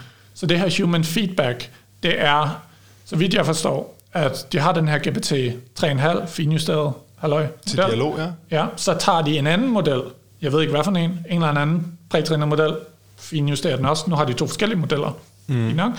Så nu kan vi give en eller anden chatprompt, det kan være fra samme datasæt, som de blev finjusteret på, eller et eller andet, mm. så tager vi begge de her to modellers outputs, så vi får to forskellige svar på den her. Mm. Og så beder vi et menneske sige, hvad for en var bedst. Mm. Hvad for en var mest naturlig, på en eller anden måde. Ja. Øhm, og det gør vi så utrolig mange gange. Ja. Altså igen, et sted mellem 10 og 100.000 gange, eller et eller andet, noget af den dur, i den Mm. størrelsesorden. Så der, nu får vi så et datasæt, hvor at vi har en prompt, vi har to svar, og vi har en rangering af dem. Mm. Så ud fra den, så kan man lave noget, det er jeg ikke så meget inde på, men, eller ja, inde i, men ud fra den her rangering, kan du ud fra den rangering udregne scoreværdier for de enkelte svar. Altså der er de her to svar, og baseret på alle de andre rangeringer, så kan du sige, at det her svar svarer, eller er så godt. Ja, sådan i, i, i menneske, en menneskelig vurdering af, af det her, har en score på det her. Ja, lige præcis, men, men det er ikke mennesket, altså det er ikke de her uh, mennesker, som, fordi det var en anden måde, man kunne gøre det på, uh, det var, at den her uh, GPT 3,5 finjusteret, den får en eller anden prompt, den giver et svar, og så beder du et menneske om at give det her en score fra 1 til 5, eller mm. noget.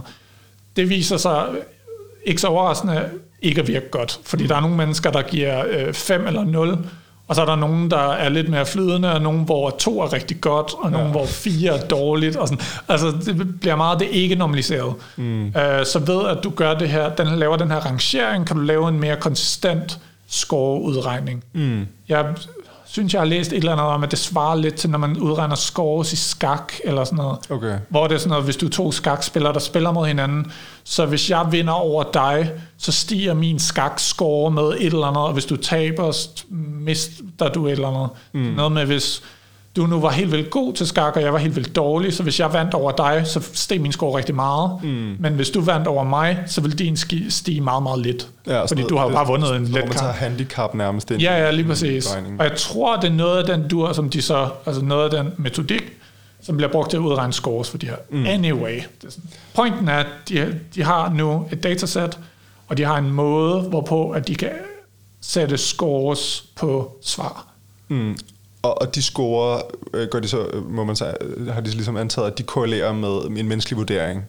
Altså hvis den, ja. er, hvis den er 1, så er det bare, så er alle mennesker bare synes, det er et mega fedt svar. Hvis den er 0, så synes, er der ingen, der synes, det er Præcis. Ja. Og jeg tror, jeg er ikke sikker på, om der er et loft, altså om Nej. du bare kan give arbitrært store score. Men, men jo, altså det korrelerer så med den her menneskelige, fordi de er baseret på de her rangeringer, lavet af mennesker. Mm. Øhm, fint nok, så det er ligesom første step. Så nu har vi et fint datasæt, nu skal, nu skal vi lave et eller andet med det. Det, som de så gør, det er, at de tager en anden prætrænet model, som... ja, men det bliver vildere og vildere. Så tager de en anden prætrænet model og fine-tuner den på det her datasæt. Ja. Så, det, det, okay, så den prøver ligesom at generalisere det her, det her menneskelighedsscore. Mm. Så det kalder de for en reward-model. Mm. Så nu har du, okay, så nu har du finjusteret den her model. Alt, hvad den gør, det siger, øh, hvor god er dit svar. Som, så, det er sådan, så nu har vi to modeller i spil. Man prøver at mimike menneskers vurdering Præcis. af et chatsvar. Præcis. Ja. Så, så der skal komme en tekst ind i modellen, og så skal mm. der mhm. komme en menneskelig vurdering ud. Uh, ja, altså en scoreværdi, ja, som, er, som svarer til, ja. en, hvad et menneske, om et menneske vil synes, at det her det er naturligt ja. eller ej. Mm. Så nu har vi to modeller. Vi har GPT-3,5 finjusteret på chatbot, og vi har den her reward-model, Okay, det er første step. Nu kan vi rent faktisk sige med den her reward-model, om det som modellen, den her GPT-3-model, 3,5-model, spytter ud, om det, er, om det er fedt eller skidt. Så det er sådan, okay, mm. men, okay, men nu kan vi sige, om det er godt eller skidt, men nu vil vi gerne tune de her vægte i vores chatbot-model, så den optimerer den her reward-models outputs. Ja, så den i stedet for at optimere op mod en matematisk loss-funktion. Præcis, så optimerer den op mod den her trænede loss-funktion, kan man kalde det, altså som svarer til menneske feedback. Den optimerer op mod et andet neuralt netværk i virkeligheden. Præcis. Okay, det, er sgu, det, er, ja, det, er, det er ret fjollet. Det har jeg ikke hørt om, eller sådan, det, jeg har fået at vide, at det er en, en, en det er, som du også selv siger, det er ikke en ny ting i reinforcement learning, at man gør det på den måde. Mm. Men jeg synes, det er vildt. Altså, sådan, det havde jeg ikke hørt om ja, før. Ja, og det er sådan, de har jo ikke... Tanke, ja. altså, en idé, eller sådan. Præcis, og det skal også siges, altså OpenAI, alle de her ingredienser, de fandtes allerede. Det, ja. OpenAI har ikke de har ikke udviklet noget nyt, altså nogen ny metode mm. som sådan. De har sat en masse ting sammen, men det er også det, man ofte gør i forskning. Man hapser ja, lidt rundt omkring, ja. så kan det være, at der er en lille ekstra ting, man lægger ovenpå, og så er det ligesom det. Og det er jo sådan, forskning virker. Ja. Så det er også fair nok. Mm. Um, så ikke for at sige, at det ikke er imponerende overhovedet? Nej, nej, det altså bare, det er jo sindssygt imponerende, ja. men det er ikke... Altså sådan, det er også bare for at give credit til alle de andre, som har udviklet mm. de her ja. elementer, og det er sådan, på det tidspunkt, altså før ChatGPT kom ud, der var, jeg tror, både Google og Meta og Microsoft, de har alle, deres, de har alle sammen deres egen mm. reinforcement learning with human feedback chatbots. Ja, ja, ja. De fandtes før ChatGPT. Mm. Men det blev ikke lige så ligesom, viralt som ikke, ChatGPT. Det blev ikke åbnet op til hele verden. Ja, lige præcis, fordi de ligesom bare var, altså det var ligesom bare, de havde udgivet det, og det var fint og godt, men mm. de havde ikke gjort indsatsen om at ligesom gøre det tilgængeligt for alle. Altså, de havde ikke sat de her mange millioner dollars af om dagen, eller hvad den nu end koster, mm. om at hoste den her model, og have det her UI og så videre, og gøre det fedt og, og nice. Mm. Um, så ja. Så nu har man en, en, en, en chat GPT 3,5, ja. eller GPT 3,5 tunet ja. til dialog, og ja. en uh, remote model, så, som er et neuralt netværk, der er trænet til at vurdere Check. menneskelig vurdering af chatsvar. Check. Og det er så her, det sidste ja. step, altså der, hvor det her reinforcement learning kommer ind. Og reinforcement learning her, bare tænk på det som en metode, hvorpå vi kan optimere chatbot-modellen i forhold til den her reward-model. Altså det er ligesom, vi kan tune de her vægte ved hjælp af den her reward, øh, ved hjælp af den her reinforcement learning metode, til at optimere den.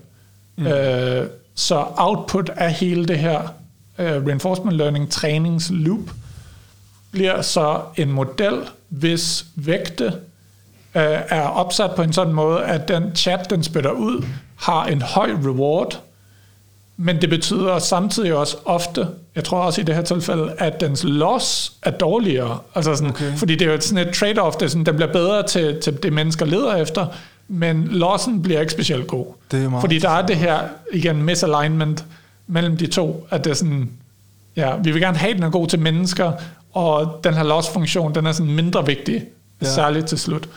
Um, de er selvfølgelig korreleret, men, men når du gerne lige vil skubbe de sidste procenter ud, så skal du ligesom glemme loss-funktionen, og ligesom, nu har vi the real deal-agtigt, den her reward-model. Ja, det er mega interessant. Ja, det og det her det er jo en øh, generel metode også. Det er jo ikke chatbot-specifikt. Det er det lige det her, fordi de lavede chatbot-datasets.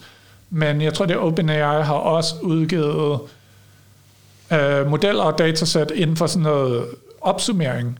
Mm. Altså hvor at du har en tekst, det kan være en artikel, og du gerne vil opsummere den på et afsnit eller et eller andet. Giv ligesom et resume af, hvad, hvad skete der i den her artikel. Mm. Det er på samme måde, det er ligesom en chatbot, den genererer noget tekst. Det er meget svært at sige, du har nogle metrikker, som kan måle, sådan, hvor, hvor god den er, men igen, det er tekniske, matematiske metrikker, mm. som ikke er 100% korreleret med det, som mennesker rent faktisk synes er naturligt. Ja. Så igen kan du træne opsummeringsmodeller med den her metode. Ja. Så det er sådan en, en ret generel metode, som ja, det meste af tekst, som kan eller det me, de fleste opgaver, hvis øh, hvor det handler om at, at ligesom outputte noget tekst. Så det kan være opsummering, det kan være chatbot, det kan være oversættelse, det kan mm. være alt muligt andet. Kan du i princippet optimere på den her måde? Ja, fordi det virker lidt som om, at, øh, hvad skal man sige, at det er lidt sådan, øh, det løser lidt, det virker som om det løser det problem øh, med, at hvis at det her med bare at benhårdt øh, optimere op mod en loss function, mm. det er sådan, i, i teorien, det er optimale, men, øh, men der er også noget menneskeligt, som man skal ligesom imødekomme, og der, mm. øh, der kunne det godt virke som om, synes jeg i hvert fald, at en, en, en, det er i hvert fald nyt for mig, at øh, der ligger noget rigtig interessant i det her med at træne modeller til at agere loss functions i virkeligheden. Præcis. Hvad hedder det? har vi, øh, jeg, det er bare fordi, jeg har læst et paper om, at, øh, at, at de her loss-funktioner, eller de her reward-funktioner, øh, at man kan ikke bare, øh, hvad skal man sige, optimere sådan du ved, vanvittigt, fuldstændig øh, vanvittigt meget op mod dem. Altså der er en grænse for, hvor, øh, hvor meget øh, man kan, jeg tror det er sådan noget, øh, ja, nu kan jeg ikke lige huske, hvad paperet hedder, men sådan, giver det intuitiv mening for dig, at der er sådan en grænse for, hvor hårdt man kan optimere op mod de her reward-modeller, som er trænet Nå, altså sådan, at man minimerer loss mere og mere og mere, men der er kun så langt, du kan komme ja, på den altså, måde. Ja, hvis du bare bliver ved med at generere chat-svar og ligesom bare mm. optimere op mod den her reward-funktion, er det bare, kan man sætte det der til at køre forever, og så bliver den bare bedre og bedre og bedre? Eller er der også, også en eller anden form for øh, skalerings- eller sådan performance i den, eller sådan, den, man skal også antage, at den har også en eller anden form for, øh, hvad skal man sige, opløsning i, hvor god den er til at mimik, mimike mennesker. Ikke? Mm-hmm. Der, jeg tænker bare, det kunne være interessant, om der måske findes nogle, nogle, øh, nogle, nogle regler for, hvor, hvor hårdt man ligesom kan optimere op mod dem, eller om... Nå, altså taler du om sådan, øh, at du vil ramme de her diminishing returns på et tidspunkt? Altså ligesom, ja, at præcis. hvis du tilføjer mere og mere data til, det er jo næsten ligegyldigt, hvad for en model du mm. spytter, eller hvad for et datasæt du spytter efter din model hvis du giver den mere og mere data, så vil den ofte blive mere, bedre og bedre, men graden den bliver bedre, hver gang du tilføjer mere data, bliver mindre og mindre, så til sidst så virker det som om, at den nærmest ikke forbedrer sig, og mm. det kan godt være, at så skal du ud i altså et eller andet voldsomt antal ekstra samples, du skal have bare for at presse den en lille bitte smule. Ja, nu tænker jeg bare, når man optimerer op mod en model, mm. øh, kan man så også sige, jamen så kaster vi alt det data, vi har i verden efter den, og rammer det der diminishing returns mm. på, øh, punkt. Kunne man så forestille sig, at man kunne hæve det ved at træne reward-modellen mere, hvis det giver mening? Altså hvis man, hvis man så kaster dobbelt så meget data efter reward-modellen, kan man så flytte det andet? Eller er der, er der du ved, eller hvis du gør ja og nej, tror jeg, så stor? Ja, øh, ja nej, fordi at altså, jo større reward, altså ikke, nej, jo større datasættet, som reward-modellen er trænet på, mm. jo mere præcise rewards vil den kunne ja. spille ud. Så, det er sådan, så den er rigtig nok. Ja. Altså det er sådan, så vil du kunne blive mere og mere sikker på, at jamen, det er den her score, som dit svar skal have. Mm. Uh, hvor at der måske vil være en del mere varians, uh, hvis du... Uh, sådan, uh, helt basis tilfælde, hvis du har trænet den på det ved, 10 samples eller sådan noget, mm. så vil den være super biased, og sådan, du, skal, du skal opfylde en af de her 10 samples, ja. ellers sker der ikke noget. Altså, ja. Du skal skrive, som den her person har skrevet derovre. Uh, men ja. hvis du fanger mere variansen, vil den være bedre til at kunne give en rigtig score. Men når det så er sagt, at give, altså den her rangering, som er en, en menneskelig ting, altså det mennesker, der rangerer, mennesker er uenige nogle gange. Ja, ja. Så det betyder, at det vil automatisk også give noget usikkerhed. Altså det kan være, at den når til et punkt, hvor at ligegyldigt hvordan den forbedrer sig, vil der være nogle mennesker, som er uenige i, at den er bedre, men nogen, der synes, den er bedre. Eller sådan. Mm. Altså det vil være en eller anden balance. Så den eneste måde, den kunne få 100% på, så at sige, vil være, hvis alle i verden, ja. alle, der har været med til at lave det her reward-model datasæt, øh, er enige i, at det er, en, øh, det er bare perfekte svar, den smider ja, hver gang. Ja, ja. Og det vil jo aldrig komme til at ske. Nej, nej. Så det giver det her ceiling, kan man sige. Mm. Og jeg tror ikke, det ceiling bliver højere og højere, jo flere personer, der svarer. Tværtimod, jeg tror, det her ceiling måske bliver lidt lavere, ja. fordi du får flere personer, der er uenige med hinanden. Ja, så der begynder at modarbejde sig selv på et tidspunkt. Ja, lige præcis. Så sådan, altså, den vil nok stabilisere et eller andet sted, mm. men jeg tror ikke bare, du bare kan kaste data efter det, og så vil den komme op på altså, max. Mm. Øhm, men det er måske heller ikke det, vi har brug for. Eller nej, sådan, det, det er selvfølgelig rigtigt. Nej. Det er sådan, altså hvis du kan nå til et punkt, hvor at, hvis du kigger på mængden af folk i verden, som er enige med, at det, som du spytter ud, er godt. Mm. Hvis du øh, forbedrer dig, altså forbedrer dig, hvis du ændrer din vægte, så at mm. sige, øh, på en hvilken som helst måde, at der alt, det, kan godt være, der, det kan godt være, at der er nogle mennesker, der vil synes, du klarer det bedre, men det totale antal mennesker, som synes, du klarer det bedre, er mindre end før. Ja. Så er du i virkeligheden, så er du ramt loftet. Altså ligegyldigt, ja. hvordan du prøver at forbedre dig, så vil der altid være mange flere, der synes, det er, du har forværret dig, end der er folk, der synes, du har forbedret dig. Ja. Så det er sådan, oh, ja. at det er sådan, ja, måske er der et eller andet, det vil virkelig være sådan, måske det teoretiske loft, altså der er vi måske ikke, men ja. Hvad, hvad sådan i det her øh, ChatGPT-system øh, og måden, der er også udgivet det her paper, der hedder Instruct GPT, og mm. sådan, der er lidt, man kan godt lige gå lidt behind the scenes nogle steder mm. og få lidt, øh, lidt mere sådan information om, hvordan de har trænet den her. Ja, ja Instruct GPT, det var jo ja. det var prædecessor ja, lige til ChatGPT, altså den var trænet på, så vidt jeg ved, nærmest præcis den samme måde, også med det her mm. reinforcement learning with human feedback. Ja, uh, ja lige præcis sådan der. Uh, men den er så 100 gange mindre. Ja. Uh, så det var ligesom måske en form for beta-test af, mm. af ChatGPT. Sådan, virker, det her, virker det her fint og godt? Men hvad, hvad har, hvad har sådan, øh, da du ligesom har sat, skulle sætte dig ind i, hvordan det har fungeret, hvad har sådan excited dig mest omkring det her, og hvad tænker du sådan er lovende, du ved, øh, retninger at gå videre i forhold til forskning med det her? Sådan, har du nogle øh, ja, tanker om det?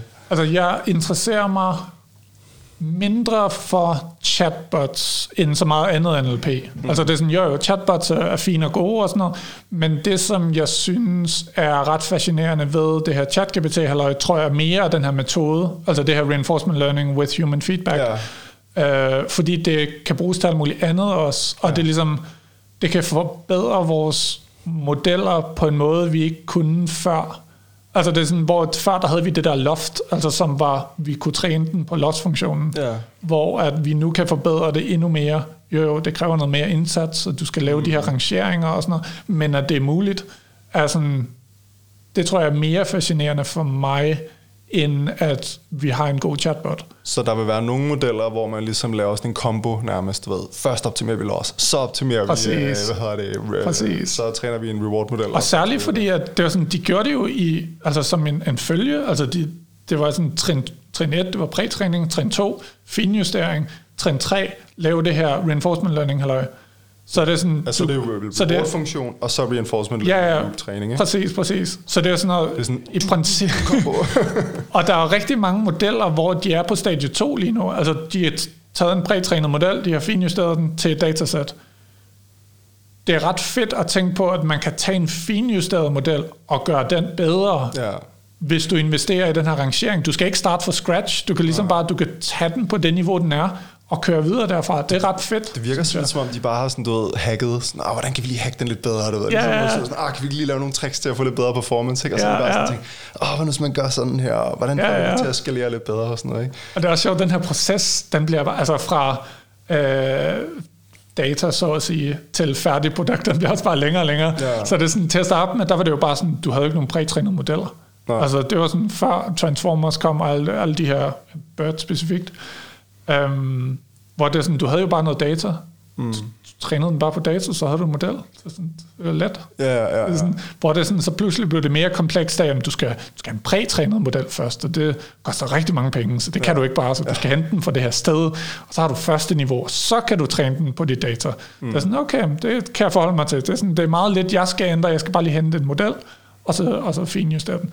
Og så nu er vi så i tre trin, hvor ja, ja, ja. du skal hente en prætrænet model. Okay, så skal du finjustere den på det her data. Okay, fint nok. Men vi er ikke færdige nu. Så skal du lige så skal du hyre en masse folk, der skal lave en reward-model på det her. Eller måske bliver reward-modeller også bare open sourced, så kan du hive en af dem ned.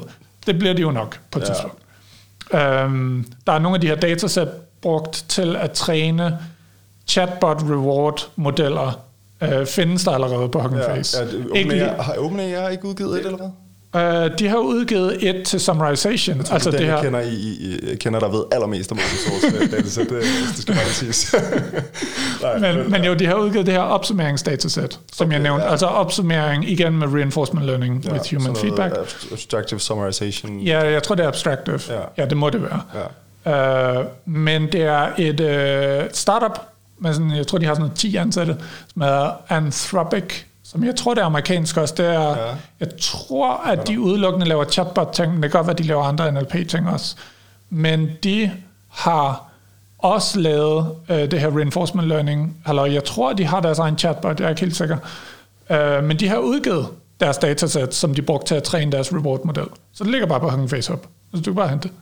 Uh, så det er jo super fedt. Men det er så specifikt til chatbots. Man skulle lave de her reward-modeller til hver task. Uh, og, det er sådan, og selvfølgelig det er på engelsk, det hele. Så det er sådan, du kan ikke bare bruge den. Du kan måske lave noget maskinoversættelse og få et eller andet. Men det er vel også en, øh, nu snakker vi om det her med, at der er kommet ligesom et nyt niveau af at uh, træne modeller, kan man sige. Mm. Ikke? Men det er vel også på nogle bestemte typer opgaver, ikke? At det er vel ikke bare, du ved, name entity recognition. Der får man ikke, øh, eller du ved, kan man få Ja og nej, det at bruge det? fordi eller, at- eller skal det være sådan lidt mere generativ, nogen, hvor det er svært at lave sådan, du ved. Fordi Ja. også man, i sådan noget abstractive summarization, øh, for eksempel, ved jeg, at min kollega Lukas har, der er det svært det der med at lave en metric, du ved. Mm. En F1-score, eller mm. en accuracy, eller et eller andet, mm. som måler, du ved, nøjagtigheden. Og det er jo igen det her med, at det er svært at fange det der, hvad skal man sige, det menneskelige aspekt af vurderingen. Mm-hmm. Øh, der tænker jeg, der er det vel anderledes på sådan nogle øh, sentiment analysis og name Jeg tror, det- jeg Eller tror, hvordan det- kan man også bruge, vil, vil- kan du se nogle måder, hvor man også kunne bruge den i, Ja, altså fordi at, okay, først og fremmest, det er ja. Ja, jeg tror først og fremmest, så er vi NLP langsomt gået over mod at ensarte alle modeller til alle tasks. Altså det har sådan været en løbende proces, øhm, hvor at man ligesom reformulerer alle opgaver, tekstopgaver, til noget, der har noget at gøre med at generere noget tekst. I stedet for mm. at se en klassifikationsopgave, som i, du skal klassificere den her i de her tre, øh, to-tre kasser, så se det som, at den skal generere tekst, som svarer til måske positiv, neutral, negativ. Altså det er vidderligt, Ja. ja. den skal lave den, Det er jo skrive det, også det, ord. som I har udgivet, øh, hvad hedder det, i Alexander Institut, den her skandinaviske øh, T5. Uh, uh, det har vi ikke. Nej, okay. Det er, jeg ved, uh, hvem var det? Det er Leon Daszynski fra ITU, professor på ITU. De har udgivet en dansk til 5. Okay, det er en Øh, historie. Ja, det ja. kommer ned i show notes. Anyway. Um, så ja, så, så det er jo ligesom første step at se, at alle de her tasks kan i princippet reformuleres som at generere tekst. Mm. Så pludselig handler det hele om at generere tekst. Alt, alt handler om at generere tekst. Mm. Uh, nær, det er sådan lidt sværere, men du kan godt sætte det op, så den ligesom bare handler om at generere tekst. Så du spytter noget tekst ind, den spytter noget tekst Så det er sådan der, vi er på vej hen, kan man sige. Ja, og det har vi været i noget tid efterhånden. Uh, ikke lige så meget på token-klassifikation, altså sådan noget som nær for eksempel, men mange af de her klassifikationsopgaver og masser af de andre opgaver bliver reformuleret som det. Uh, så det er ligesom step 1. Alt handler om at generere tekst. Så kommer vi til step 2, det er, hvor stort det her alignment-problem er for din givende opgave. Altså, hvor stort øh, ja. mellemrum er der mellem din tekniske matematiske score og det, som rent faktisk synes. Ja, ja. Så, Total, øh, Ja. ja, ja. så der kan der være nogle opgaver, hvor de er ret tæt på hinanden. I, altså hvis de er altså nærmest bare identiske, så får du intet ud af at lave det her reinforcement learning, fordi at du, du er der allerede. Så det kan der måske være mange sådan noget som, igen, sentiment er måske tæt på at være en af dem, sådan noget positiv, negativ, neutral, men det kan også godt være, at det ikke helt svarer 100%. Altså hvis du optimerer en loss-funktion, måske svarer det ikke 100% til, hvad mennesker vil synes vil være positiv, negativ, neutral. Mm. Uh, et andet eksempel, det kunne være sådan noget som uh, sådan noget stødende tale, som jeg også har arbejdet på. Er det her stødende eller ej? Det kan være et ret svært spørgsmål, som mange folk kunne være uenige om, om, om en eller anden kommentar er stødende eller ikke stødende. Men en model, den vil jo bare optimere dens loss. Så sådan, mm. svarer det til det, som mennesker synes i virkeligheden, eller ikke? ja. Det er også sådan, ja. Men du har ret i, at der, hvor at der nok er størst impact for, øhm, for det her reinforcement learning, halløj, vil nok være der, hvor at du skal generere ikke bare labels, men du skal generere en masse tekst. Ja, billeder, så, eller måske endda også bill- uh, bi- billeder, øh, der er lige, oh, whatever, et eller andet. Nej, men, Et eller andet, det kunne ja, godt, altså ja. billedgenerering, det kunne være ja, ret være fedt, en- hvis en det blev... case. Det kunne sagt til, der, der kunne det der human in the loop, øh, eller reinforcement, Måske, ja. feedback måske godt være en ting, ikke? Helt sikkert, hvis man giver den en beskrivelse, og, og den skulle komme med et eller andet, og det kan så, være... Så ja. sådan impact helt klart mest oplagt og mest størst inden for de her generative øh, sprogmodeller og hvad hedder det, billedmodeller og sådan noget. Ja, Ja, ja, umiddelbart er min intuition i hvert fald. ja, og det er primært inden for de tasks, hvor du skal generere en masse tekst frem for bare et label. Så det kan være igen opsummering, det kan være chatbot, det kan være alle de her abstractive tasks. Mm. Så hvis du skal, der er abstractive question answering, hvor du skal svare på et spørgsmål, uden svaret står i den kontekst, som du startede med. Ja. Øhm, det kan være... Hvad kan det ellers være? Jamen, det kan være mange Det kan ting. måske bare være det. Ja. Det er godt, nu leder jeg så var der ikke mere der, der er sikkert alt muligt andet også. Så var der ikke mere. Øhm, men det er nok de primære mm. opgaver. Øhm, Hvad sådan, okay, øh, altså jeg, kunne, jeg kan godt mærke, at det, jeg, det, det er virkelig spændende at snakke om det her, det er fedt at høre dit take på det her.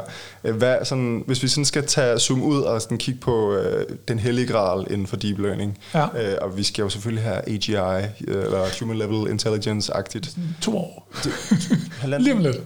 En måned? Ja, ja. Det er jo det, de siger med ChatGPT, og ja. det sådan, jeg tror, der var en DR-artikel i går eller forgårs eller sådan noget, hvor der også bare, den der thumbnail var bare fyldt med Terminator, ja, og sådan noget. Det var også bare er sjovt, det der. Ej, okay. Hvis vi sådan skal prøve at zoome Ja. ud og Ja. kigge på hele det her chat-GPT, men ligesom zoome ud og kigge Ja. ud over NLP og bare sådan generelt sådan mm. deep learning og øh, måske også andre ting -agtigt.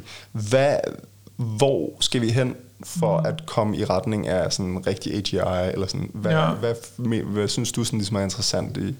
Jeg tror, jeg personligt vil være, altså sådan, det ville være ret vildt, hvis man kunne lave en model, som ligesom har en eller anden form for internal state, som gør, at den kan lære af sine omgivelser. Og det her med, at den ikke er, altså mange af de her modeller, de er 100% skråsikre, men ligesom være, være usikre, og så få noget feedback fra dem, som de snakker med, og lære at blive bedre, uden at skulle øh, køre igennem alt muligt, altså nu skal vi gentræne alt muligt, men det er ligesom bare, mens den kører, så lærer den. Mm. Fordi hvis man får knækket den kode, altså så kan du sætte en af dem løs, agtigt. Ja. Og så kan den begynde at lære af sine omgivelser og sådan noget, snakke med, snakke med folk og, og sådan noget, og begynde at lære fra sine omgivelser. Og det, der er måske folk, der vil udnytte den eller et eller andet, og så sker der eller sker det ret skidt, hvis der er, eller sker det skidt. Så, det altså, skidt, så, altså. Jamen, så, så har den her person, eller den her robot, eller whatever, en ligesom virkelig dårlig oplevelse, hvis der så er flere robotter, som kan snakke med hinanden, og det er sådan, så kan den her robot måske finde ud af, at det er sgu da ikke så fedt, at de behandler mig på den måde, det er sådan, de behandler ikke de andre på den måde, og sådan noget. Så begynder de at blive mere og mere menneskelige på et eller andet plan, at hvis du kan bruge dine omgivelser, eller dit input, til at gøre dig selv bedre, mm. kontinuerligt, hele tiden, ligesom mennesker gør. Men altså, hvad, hvad skulle sådan et system... Jeg mm. forestiller mig, at uh, du får, jeg forestiller mig, at du forestiller dig, at det skulle være i, altså sådan multimodal simpelthen. Ja. Eller hvad? Altså sådan, Altså- eller hvad? Det vil jeg, altså det vil, det vil være det, der vil give mest mening. Mm. Altså sådan særligt, ja, vores primære sensor, altså okay, tekst er ikke en sans, men lad os sige, de, prim, de primære modaliteter. Kun også to, der har Ja, øh. Præcis. Det er vel visuelt. Det er vel i virkeligheden visuelt, ikke? Jo, men altså visuelt hørelse, og så hørelse bliver så konverteret til tekst sikkert, og så mm. bliver der behandlet noget tekst. Men hvis den har de tre ting, og det er der jo modeller, der har lige nu, mm. men de har ikke den her manglende ingrediens til at bruge den feedback, som de får fra syn og fra hørelse osv., til at blive bedre på en eller anden måde, hvad det så end betyder at blive bedre. Uh, altså, ja, ja, hvad betyder det at blive bedre? Det er, sådan, det er meget... Ja.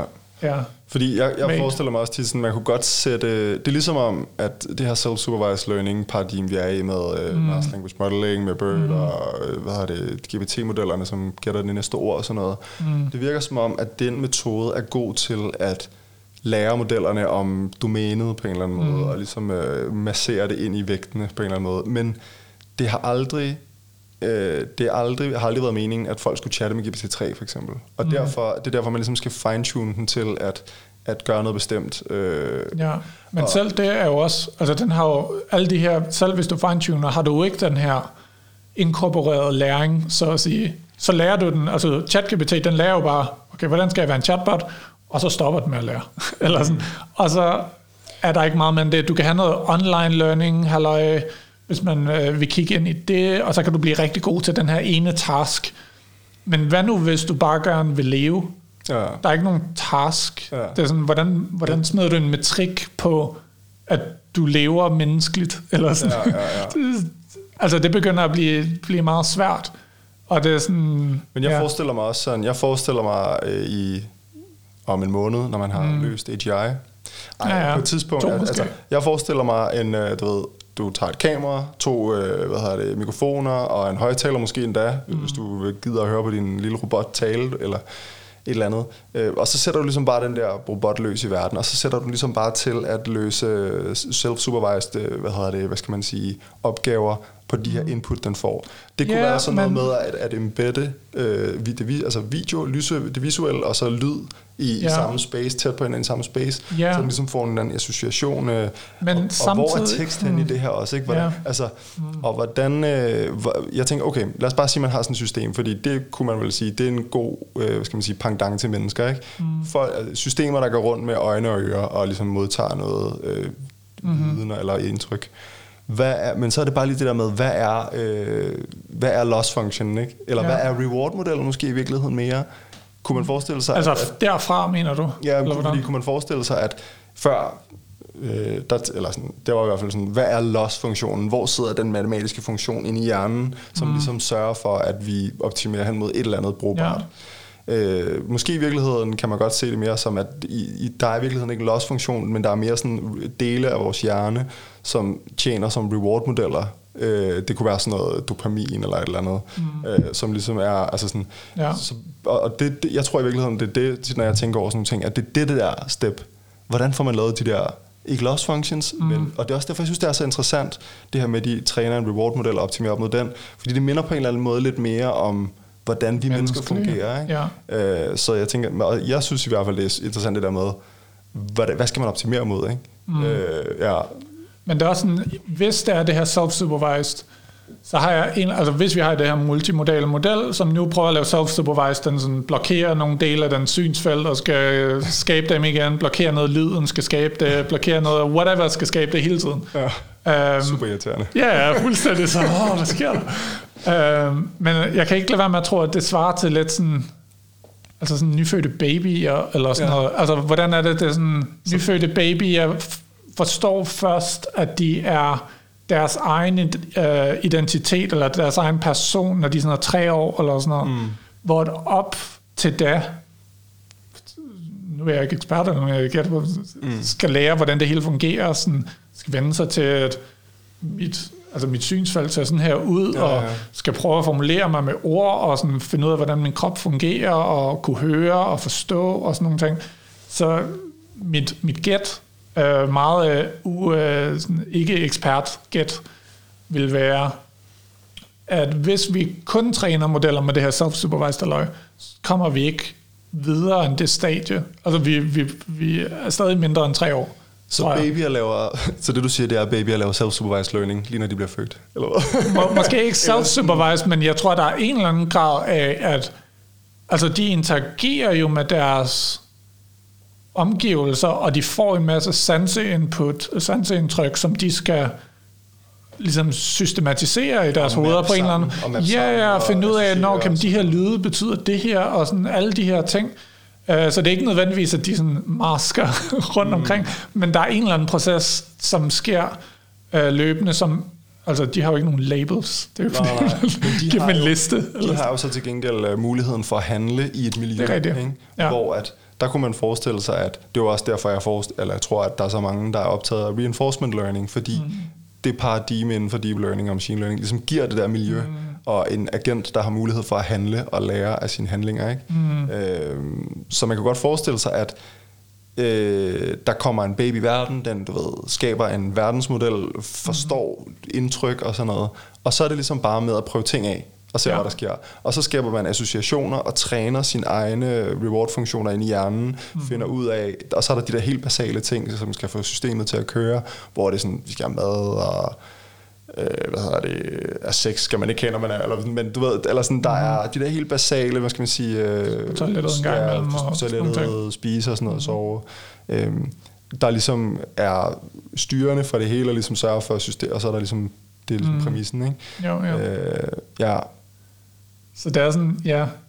Men ja, det er også nuværende reinforcement learning metoder er bare, det er måske det der, hvad kan man sige, mysteriet inden for det, at de fungerer utrolig langsomt. Altså som i, at du skal køre millioner af iterationer igennem, for at den lærer noget som helst. Mm. Det er sådan, for at lære at øh, kunne stå. Ja. Altså det kan en baby jo relativt hurtigt. Altså mm. hvad er det inden for det første år? Et år, ja. Er det cirka der? Ja. ja. Mm. Hvor at Altså hvis du skulle gøre det med en reinforcement learning model live, altså hvor den ikke bare kan køre en million iterationer igennem, fordi den har en kæmpe GPU eller sådan noget, mm. men at den bare har et live ja. uh, environment, hvor den ligesom kan prøve at stå op og gå og også lære sprog og alt muligt på en gang, så tror jeg bare, det vil tage rigtig, rigtig, rigtig, rigtig mange år. Ja, ja. Uh, så det er sådan, om man kunne gøre den proces bedre. Og det er måske der, hvor at den her prætræningsmekanisme, self-supervised et eller andet, måske kan hjælpe til ligesom at skubbe det lidt hurtigere. Mm. Uh, jeg ved ikke om babyer, når de er født, om de har en eller anden forståelse af noget. De altså, lige model ned for Hugging Face. Ja, lige præcis. Nej, men, altså, du er født med nogle, med nogle ting. Det er jo ikke bare sådan altså, en sten eller sådan noget. Altså, du, har jo, du har jo et eller andet nedarvet, og hvor meget har du nedarvet, det aner jeg ikke. Øh, men vi gætter på, at du må have et eller andet, ja, et eller andet. og svare det til, at du starter fra en prætrænet, eller sådan noget, whatever du har lyst til at kalde det, men du har en eller anden viden, så det er sådan, vores reinforcement learning modeller starter jo fra nul, ingenting overhovedet, øh, og derudover er de ret primitive i forhold til input ofte, at de har ikke hele det her synsfelt samtidig med lyd, samtidig med alt muligt.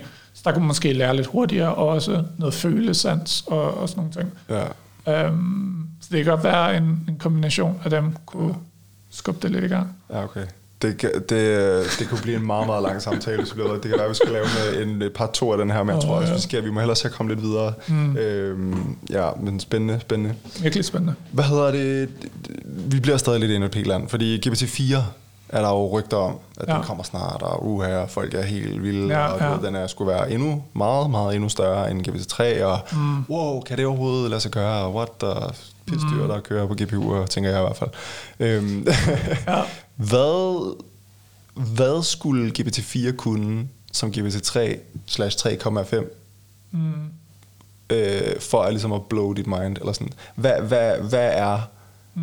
Hvad, hvad, ja, fordi, hvad er den oplevelse, man ligesom skal have som menneske, for at du ved, den bare tænker, okay, det, det, er, Ja. next level, det er next level det her. Altså hvis vi sammenligner, hvis vi forestiller os, bare for at gøre det, det er lettere at sammenligne med ChatGPT, fordi at, altså, vi er mennesker, Ja. og vi kan snakke med den og sådan noget. Hvis vi forestiller os en uh, ChatGPT 4, eller, eller altså en, der er bygget på, chat, på GPT-4 i stedet for 3,5, så tror jeg, noget af det, som ville være ret vildt for mig, vil være, hvis den var i stand til at være usikker Ja, på et eller andet plan. Fordi det, det er ikke rigtig noget, vi træner den til. Mm. Så det ville også være lidt underligt, hvis den var, men hvis de havde fundet på en ny smart træningsmekanisme, et eller andet, at den kunne gøre noget med alle de der parametre, øh, til ligesom ikke at være skråsikker lige meget, hvad den siger. Mm. Hvor at, altså, ChatGPT er jo super dum mange gange, hvor det er sådan, du beder den om at, om at sige et eller andet, så siger den bare, jamen det er det her, det er det her, der er svaret. Mm. Og det er sådan, altså nogle gange tager den fejl, og ja, det er sådan, ja, ja. Men, altså den er 100% sikker mm. hver gang. ja. Og det er sådan, og de har også sat et eller andet, jeg tror det er noget hardcoded script, som siger, hvis du siger til ChatGPT, at den tager fejl, så siger den med det samme, Nå ja, jeg tog fejl. ja, det har jeg godt. Ja. Ja, det er sådan noget, jeg har set flere eksempler, hvor det er sådan noget, øh, skriver de sådan noget, øh, 1 plus 1 er lige med 3. Så siger ChatGPT, øh, nej nej, 1 plus 1 er 2. Og så svarer du så, nej nej, det er rigtigt, 1 plus 1 er 3. så er det sådan, nå ja, jeg tog fejl. så er det sådan, ha, okay, så hvis du lige pludselig, lader, hvis vi tager det videre end bare noget matematik, men at tage det videre til nogle politiske holdninger, Ja. sådan noget, ja, at gå over i et eller andet højere ekstremis- ekstremisme, hvis, øh, hvis ChatGPT begynder at sige, øh, det er sgu ikke så godt, eller sådan, hvis du så siger, nej, men det er super godt på grund af det her, nå ja, jeg tager fejl. Og pludselig har du en, en bot, der bare er helt, helt med dig-agtigt. Irriterende venner har ikke den der sådan... Ja, ej, jeg ved ikke. Jeg er aldrig sikker for sig selv, eller, eller enten for sikker, eller, eller bare det modsatte. Ja, sådan, ja. Så det her med, hvis de kan lave et mellemtrin, tror jeg kunne være ret vildt. Det her med sådan, jeg er sgu ikke helt sikker, men det virker som om, at det er at svaret på dit spørgsmål er det her, men du kan lige prøve at tjekke det her for at være sikker. Eller et eller andet, ligesom et menneske vil gøre. Ja. Um, de fleste mennesker i hvert fald. Mm. I hvert fald. Um, så det tror jeg, det vil være ret vildt for mig personligt, hvis, hvis de får knækket den. Fordi det er jo en af de store ulemper, som der er ved ChatGPT, som de også siger. Uh, der er mange folk, der begynder at bruge ChatGPT som Google, som gør det noget, man absolut ikke skal gøre. Ja. Lad være med det. Ja. Uh, fordi at den her, den har ikke en måde, den kan ligesom tjekke data på, eller tjekke et eller andet på. Den er trænet på den måde, vi lige har talt om. Der er ikke noget trin i den proces, hvor at den bliver trænet til at være faktuelt korrekt mm. på noget tidspunkt. Nej. Um, det kunne være, at der var noget rangering, som lige var, der var en, der var faktuelt korrekt den anden. Men der er rigtig mange gange, hvor du spørger den om et eller andet, så skriver den tekst, som ligner det rigtigt, fordi den bliver skrevet ligesom på den rigtige måde, rigtig form og sådan noget, men det er ikke rigtigt. Nej, eller sådan, og det kan være rigtig, rigtig misledende, særligt hvis der er studerende, der begynder at bruge det her, Ja, og bare siger sådan, Nå, men så stoler jeg på det, og, og så bare, så bliver det deres videnagtigt. Mm. Frem for, og jo, Google er ikke altid korrekt, men der kan du trods alt have kilder, og du kan være kildekritisk, ligesom vi lærer i gymnasiet og i skolen. Uh, du, det er lidt sværere at være chat-GPT-kritisk, altså per prompt, eller per mm. værdi, den siger, fordi der ikke er nogen kilde, den vedlægger. Um, Men virker det ikke, virker det ikke sådan lidt øh, voldsomt at træne en model, der er øh, hvad sådan noget eller andet? Den er mange gange større, altså kæmpe, kæmpe meget, meget større, mm. bare for, at den kan være usikker på sig selv. Eller sådan, Nej, det tror jeg ikke. Eller hvad? Fordi jeg, jeg, tror, altså jeg tror, at de simpleste egenskaber, vi mennesker har, er de sværeste at modellere. Mm. Altså det er sådan noget... Øh, Altså, der er nogle af de der modeller, hvor det sådan, allerførst er sådan, det er jo ikke billedmodeller, de her ImageNet finjusterede modeller, så det er sådan, åh, oh, de kan klassificere øh, alle de her øh, fuglearter og alle mulige sådan noget, tusind klasser. Det er der nærmest ingen mennesker, der kan. Det er sådan, wow! Men det er sådan, fra et, fra et modelleringssynspunkt, er det ikke så mærkeligt, eller sådan noget, fordi at den kan jo bare altså, huske på, at de her har de her detaljer, og så videre, og så videre, og, og så kan den ligesom svare på det. Men nogle af de her spørgsmål, eller nogle af de her egenskaber eller evner, som vi mennesker tager for givet, sådan noget som common sense, øh, altså det er sådan noget, hvis du øh, hopper ned i vandet, så bliver du våd, mm. altså sådan nogle helt ja. sådan, selvfølgelig, eller sådan noget. Det kan, godt, det kan ChatGPT sikkert også godt finde ud af, men der er masser af sådan nogle spørgsmål, som bare giver mening, for os. Når man har levet i verdenen. Ja, lige præcis, men som absolut ikke giver mening for den. Der, er sådan noget, der var et eksempel, jeg læste, hvor det var en dialog, hvor det er sådan noget, jeg kan ikke huske, hvordan den startede, men en eller anden prompt, så kom den med et eksempel, det var et eller andet kreativ, historieagtigt, så nævnte den en karakter, okay, fint, og så nævnte du så den anden karakter, og så spurgte du så efter sådan flere gange sådan, Nå, men var den her karakter, var det dragen, eller sådan noget, og så svarede den et eller andet sådan, åh, det ved jeg ikke. Ja. Det, er sådan, det er jo dig, der har fundet på det. Eller sådan, altså, så kan du, så kan du give mig noget mere, eller sådan, du kan ikke bare sige, aner det ikke, eller sådan. Nej, nej. Øh, det her med, at den lige pludselig har et eller andet disconnect, øh, gør den, ja, ikke så naturlig. Ja. Så det er både det, nu, det var selvfølgelig den anden øh, enden af skalaen, hvor det, det var 100% usikker, hvor det bare sådan, aner det ikke. Ja. Men det her med at have en graduering og sige, det kunne godt være, det var det på grund af det her, det her, eller et eller andet, øh, vil gøre den meget mere brugbar ja. også. Øh, særligt, og det er sådan måske en separat ting, hvis den bliver knyttet op mod eksterne vidensressourcer, såsom internet eller noget andet. Mm øh, så den pludselig kan komme med kilder ja. på den ting, som I der siger. Der har lavet et paper, der hedder det der WebGPT. Har du hørt set den? Nej, nej. Det er et, et, et, det, laver de sådan noget? Der laver de sådan, at øh, de giver modellen lov til at slå op på internettet og ah, læse ja. og summe, ja. Ja, ja, ja. Så der, der er mange af sådan nogle modeller, som findes, altså netop sådan nogle retrieval-modeller, mm. øh, hvor du hiver ting ind. Men ja, nu ved jeg ikke, nu har jeg ikke set den her WebGPT, men er det også sådan en chat But... Det er sådan, ja, det er sådan også øh, GPT, hvor den har lov ja. til at slå op på internettet og bruge, uh, ja, det er så Bing Search, ja, ja. fordi du ved, de, øh, Microsoft er over OpenAI, ikke? Men, ja, ja, ja. Og så kan den ligesom læse, så vidt jeg har forstået, at læse de søgequeries, der kommer, og svare på baggrund af dem og sådan. Okay, ja. cool. Så. Men ja, altså hvis det bliver inkorporeret i mm. GPT-4, chat-GPT, eller bare, whatever, altså, vil det også være ret fedt. Jeg har bare svært ved at se, at hypen kan blive meget større. Altså sådan, ja, ja. Sådan, fordi så, øh, jeg tænker sådan hype-mæssigt, mm. der tror jeg, der øh, hvis man skal snakke øh, på den måde, hypometer. Jeg tror, der er diminishing returns. Ja. Øh, sådan hype per parameter, mm. øh, eller sådan et eller andet. Ja, men det er også som om, altså GPT-4 er jo virkelig bare sat på et pedestal lige nu. Ja, ja, altså, den kan jo ikke gøre andet end at skuffe lige nej, nu. Nej, det er rigtigt, så det er sådan, og det kan jo godt være, så kommer de med noget, som måske var betydeligt bedre, men det er ikke så altså, godt, som åh, folk Den kan være usikker, og hvad så? Altså, ja, ja, lige ja, præcis. Og så, er det sådan lidt, så falder den måske den der hype-bølge, ja. eller sådan noget. Men altså, den var jo stadig bedre. Ja. Det, er stadig... det er jo lige før, den skal kunne læse ja. dine tanker nærmest. For ja, ja. Åh, det kan læse mine tanker. wow. Ja.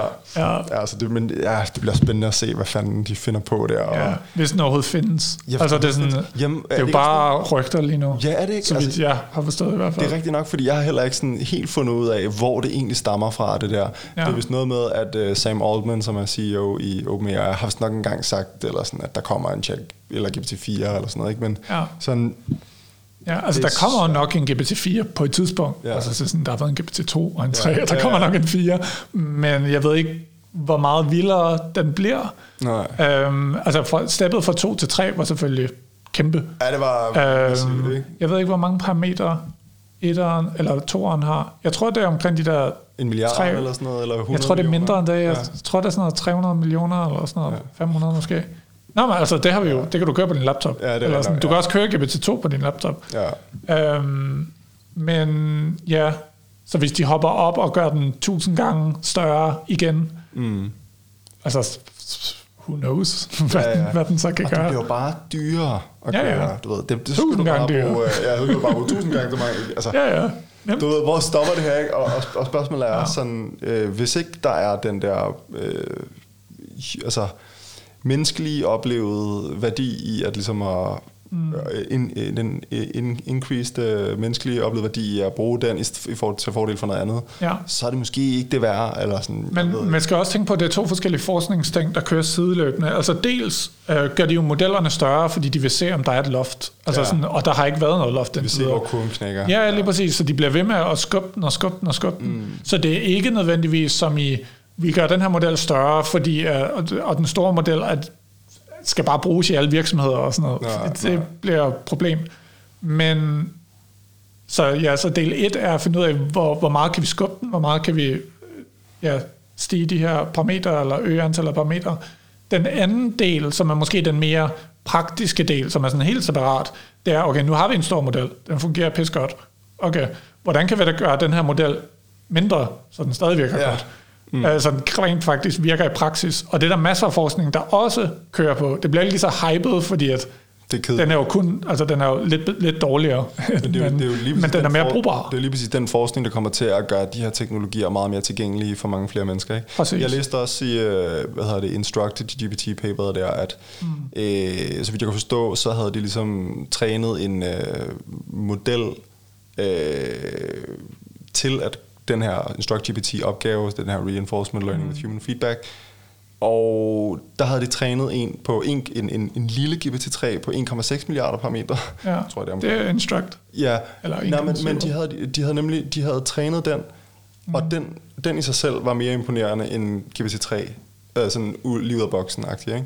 Så det virker også som om, at Mm. Der er øh, den her sådan self-supervised prætræning af GPT og alle de modeller, er sådan ret ineffektiv på en eller anden måde. Altså, mm. den er sådan, den er virkelig ineffektiv. Altså, det, du kan virkelig gøre meget med mindre. Præcis. Men ja, sådan, det, det ved jeg ikke. Der er bare et eller andet der, ikke? Jo, præcis. Der var også den her, altså, hvad den hedder, Lottery Ticket uh, paper, som kom fra, jeg husker nu et år mm. mere siden, som gik ud på, at de, øh, de viste, at i mange af de store modeller, hvis ikke alle de prøvede, det kan jeg ikke lige huske, mm. kunne de, altså fra en stor model, finde et, en delmængde af parametrene, og ligesom bare fjerne alle de andre parametre, og kun bruge en, en meget lille delmængde af det, og have samme performance på nogle udvalgte datasæt. Altså som I siger, at det kan godt være, at de er så kæmpe store, men vi kan godt finde en meget mindre model, som har det samme. Altså det er også en, man kan sige, nøglen i det her destillering og mm. sådan nogle ting. Men det her med, at de kunne finde de her ting. Uh, men problemet er jo stadigvæk, at du skal træne en kæmpe stor model, Ja. Og så bagefter bruge, jeg kan ikke huske, hvordan deres mekanisme virkede, men på en eller anden måde ligesom lede efter delmængder, som, som holder performance. Ja, så ja. du starter med den store. Mm. Uh, så ikke komme udenom at skulle træne en store. Det ved vi ikke, ja. men sådan, det, var i hvert, det er i hvert fald uklart lige nu, hvordan man kommer fra altså ingenting til den lille, uden at skulle gå igennem den store først. Ja. Men det virker som om, at Altså lidt ligesom da computer blev oprettet. Det var de her kæmpe monstre, der sådan skulle fylde hele bygninger nærmest, mm. for at kunne det være ikke spille pong eller sådan ja, noget. Pong, eller ja, altså sådan virkelig, altså det er lidt det samme, vi er ude i. Altså hvor der er de her koloenorme modeller, som mange af os ikke rigtig kan bruge direkte, fordi de er alt for store, men at de bliver mindre på grund af nye teknologier, og også at GPU'er bliver billigere og stærkere og sådan nogle ting. Men den her kombination, så har du lige pludselig adgang til helt vildt gode modeller på din bærbar. Ja. Eller et eller andet. Uh, I forvejen kan vi køre Bird-modeller på vores bærbar. Det var jo sådan vildt. Mm. Sådan, før man fandt ud af hele det her GPU-træk, altså mm. hvor man skulle køre det hele på CPU'er. Det, er sådan, det ville jeg aldrig kunne lade sig gøre. Mm. Sådan, det kan det godt, men det er bare virkelig langsomt. Ja. Um, at jeg tror, at det bliver sådan en helt... Sikkert en proces, der er meget lige den anden, hvor det... Nu siger jeg det meget skråsikkert, men det er sådan, jeg gætter på, at at det ligesom bare bliver mere og mere tilgængeligt, og i fremtiden, måske om fem år, måske endda mindre, eller sådan noget, så er det sådan, kan sagtens bare køre en model, der er GPT-3 størrelse, mm. altså GPT-3 performance, ja. men som i virkeligheden er meget mindre, mm. øhm, uden at det er noget problem ja. for din bærbar. Så kan man forestille sig, bedre. At, så utilgængelige de her modeller virker på nuværende tidspunkt, øh, og de er inde i OpenAI og så videre. Kunne man forestille sig i virkeligheden, at sådan, det her i virkeligheden bare bliver meget sådan noget, øh, hvad skal man sige, sådan noget open source, noget, som man bare hiver ned fra hylderne. Det tror jeg. Sådan, ja. Det tror jeg. Altså, de er jo allerede, jeg tror, jeg kender to projekter lige nu, som er i gang med at lave open source uh, chat-GPT. Ja. Uh, Sygt. Ja, det er, sådan, det er ret fedt. Mm. Altså, det er sådan, der er en, hvor der er et projekt på GitHub, hvor der er sådan, jeg kan ikke huske, hvor mange hundrede folk, der har været med indover allerede, Mm. uh, som bliver styret af den her, uh, hvem er det? Tror, det bliver kørt under det her uh, firma, organisation, et eller andet, der hedder Lion, Ja. som er fundet af Stability AI, der også lavet Stable Diffusion. Altså det hele, det hænger ligesom sammen, uh, som også er open source. At, det er sådan, at de er i gang med at ligesom få sat det hele op, og så kan det være, der kommer en ekstern organisation, som gerne vil sponsorere noget compute. Det plejer at være de her Eloither AI, som er sådan, de har fundet alt muligt af sådan noget compute til de her open source ting. Um, så der kommer sikkert en open source chat GPT, og, og så er det ligesom, nå okay, så er det jo bare det. Ja. Og så kommer der en ny ting, som ser helt vildt fancy ud, og så bliver den hypet helt vildt meget. Ja. Og så glemmer vi, at vi har adgang til de her ret vilde ting. Altså for eksempel de her øh, DALI 2 og forskellige andre ting. Pludselig havde vi Stable Diffusion, Ja. og så, altså den havde jo kæmpe hype, og pludselig kunne alle bruge den. Og så efter, at vi finder ud af, at "Nå, men det er jo bare det. Nu bliver det sådan, igen, nu er det bare lav på steg, eller Ja, sådan noget. Nu ja, er det ja. bare standard, og sådan, og det er noget med, at de måske bliver inkorporeret i iPhone snart, og sådan noget. Altså bare sådan, det bliver bare sådan en ting, det bliver bare sådan en widget, når du er inde i dit øh, kamera på din telefon, eller sådan noget. Ja. Kan du lige sige sådan, generere det her, eller sådan noget. Måske kan du bare sige det til den, eller sådan Det er noget. sjovt, Altså, det, er hvor, sådan, hvor mind, altså mind det bliver bare sådan, ja. hele verden er bare sådan, åh oh, hvad, det er vildt, og sådan helt slet ikke få armene ned. Og så du ved, en måned senere, no, whatever. Altså. Ja, ja, fordi så er der den næste. Kan jeg, kan, kan jeg ikke engang have fundet min iPhone? Hvorfor, får jeg, Ja, hvorfor ja. er det ikke på min iPhone? Okay. Ja, ja, og jeg er sådan en lille smule urolig, eller sådan utryg ved hele det her. Altså det er ligesom, det er ligesom hvis du er, du er investor, og øh, du investerer i Tesla, eller sådan noget, altså som også bare øh, massiv hype, og op og ned, og op og ned, og op ja. og ned. Nu er den sådan virkelig meget nede. Men det her med, at det føles sgu ikke så sikkert, eller sådan, mm. hvad nu hvis, at der går to år før den næste store hype, Altså betyder det så, at folk bare vil synes, at nu er det AI winter, og nu dør alting, eller sådan noget, nu får forskere ikke mere funding, fordi at man er vant til de her hype-bølger og sådan noget. Altså det er, sådan, det er ikke så stabilt. Det er, sådan, det er svært at kunne overskue, at, at det ligesom bare kører langsomt op, fordi der er virkelig meget op og ned, op og ned, op og ned. Ja. Øhm, så altså det er fedt, og det er spændende, men hvis man arbejder inden for det, så virker det også sådan samtidig lidt, ja, det er ikke usikkert på et eller andet Ja, plan. ja, ja. Ja, det, det er, sådan, rigtigt. det er lidt, lidt mærkeligt. Ja, det, Men stadig spændende. Stadig ja helt spændende. sikkert. Helt ja. sikkert. Nå, nu, skal vi, nu har vi snakket nok øh, om NLP her, og jeg tror også, at vi så småt begynder at runde af. Men øh, jeg kunne egentlig godt tænke mig, fordi at, øh, du er jo involveret, som vi også tidligere snakket om, en del i øh, open source og så videre, og jeg ved, at I er i gang, øh, der er i gang i et projekt, der hedder DFM-projektet, som står for Danish Foundation Models, hvor du Check. også er indblandet. Kan du bare lige hurtigt fortælle om det, og hvad I laver, og sådan... Øh, Helt sikkert. Så nu har vi jo snakket lidt om sprogmodeller og prætræning og sådan noget. Det er meget lige det. Det er, øh, DFM-projektet er øh, ledt af Kenneth Enevoldsen primært øh, med Lasse Hansen og Martin nu kan jeg ikke huske dit efternavn, Martin. nej. Jeg er ked af. Øh, men de kommer alle tre, de alle tre phd studerende øh, på Aarhus Universitet. Så mm. sådan skud ud til dem. Skud til Aarhus. Øh, og der er så, så de er sådan, hvad kan man sige, de ledende folk på det her projekt, som står for Danish Foundation Models. Og det her, øh, så ud over dem, så er vi en 5, 6, 7 stykker, som kommer fra, altså både fra industrien, men også fra universiteterne, og sådan lidt en, en blanding øh, af folk, der er involveret i det her projekt. Projektet i sin enkelhed går ud på at træne, prætræne danske sprogmodeller. Mm. Øh, så lidt ligesom Bird, også noget, der er større end Bird, og så videre.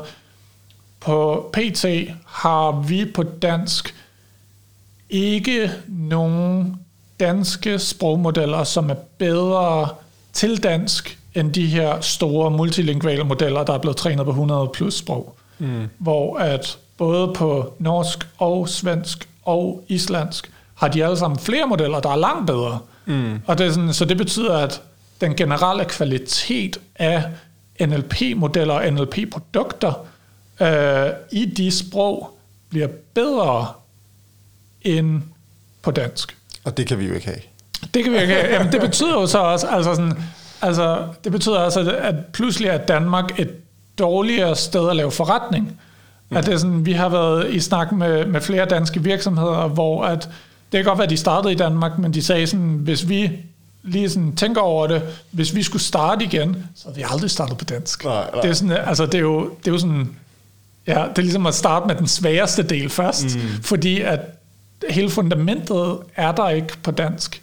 Så det er langt lettere, hvis du bare hopper over til Sverige og starter der, fordi de har langt mere styr på det derovre. Mm. Eller over til Island, endda med 300.000 mennesker, har de langt mere styr på det, ja, end, ja, end vi har. Ja. Det, er, altså, det er virkelig fjollet. Eller starte på engelsk, fordi der er der sindssygt meget. Um, så, det er sådan, så det er det, som vi prøver at ligesom ret op på, kan man mm. sige, ved at få trænet gode modeller af forskellige størrelser, både de små, som kan køre på små devices hurtigt osv., men også den store, kæmpe store modeller, som bare fungerer godt på dansk. Mm. Uh, ideelt set vil jeg, det er sådan min egen personlige kamp, jeg vil rigtig gerne have Skandinavien med som helhed, og ikke se det som isolerede ting. Mm. Fordi det er sådan, altså vi har rigtig meget til fælles i, ja.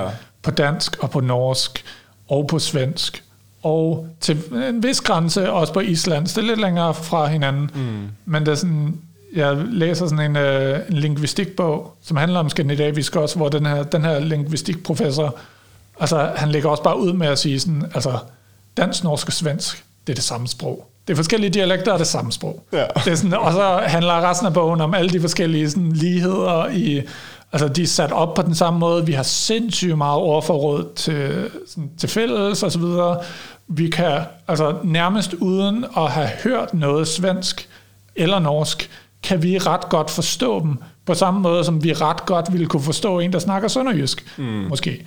Uh, eller, det ved jeg ikke, uh, op fra Nordjylland, uh, mm. hvor noget af min familie også er fra. Altså det er sådan, og det er, ja, at det minder, det er i hvert fald argumentet, at det minder mere om det så det er også med det lingvistiske argument, hvorfor er det så ikke, at vi træner fælles sprogmodeller, mm. hvis det virkelig er så tæt på hinanden.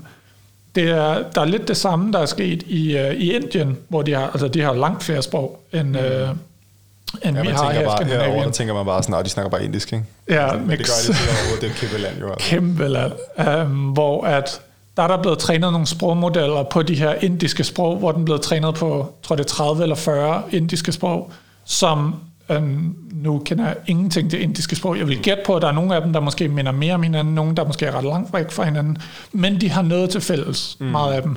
Lidt ligesom, altså i hvert fald de skandinaviske sprog. Øhm, men de her modeller, og de er blevet udgivet i papers og sådan noget, performer langt bedre end de her multilinguale modeller, fordi mm. at de har den her lokale egenskab. Altså, de har alle de her øh, sprog, der ligesom minder om hinanden. Så hvis vi har skandinavisk, skandinaviske sprog, kan vi pludselig højne kvaliteten i alle vores sprog. Mm. Øhm, så kan vi som danskere måske også nyde lidt godt af det, som de har lavet i Norge, mm. og det, som de har lavet i Sverige, måske det, de har lavet i Finland også, hvis vi kan inkorporere hele den viden, som de primært har udviklet på deres nationalbiblioteker, ind i, øh, i vores også. Ja.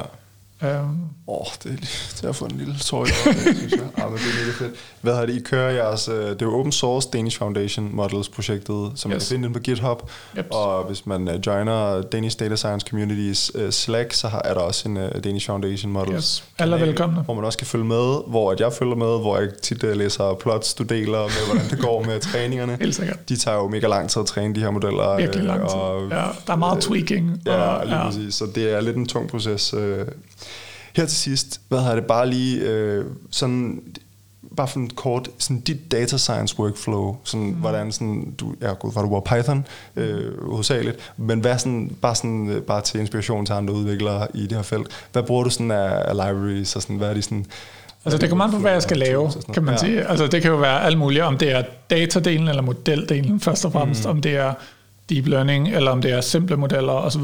Altså jeg tror, mange af de biblioteker, jeg bruger, er meget lige med, altså lige til som alle mulige andre bruger. Ja. Så der er ikke noget sådan super særligt der.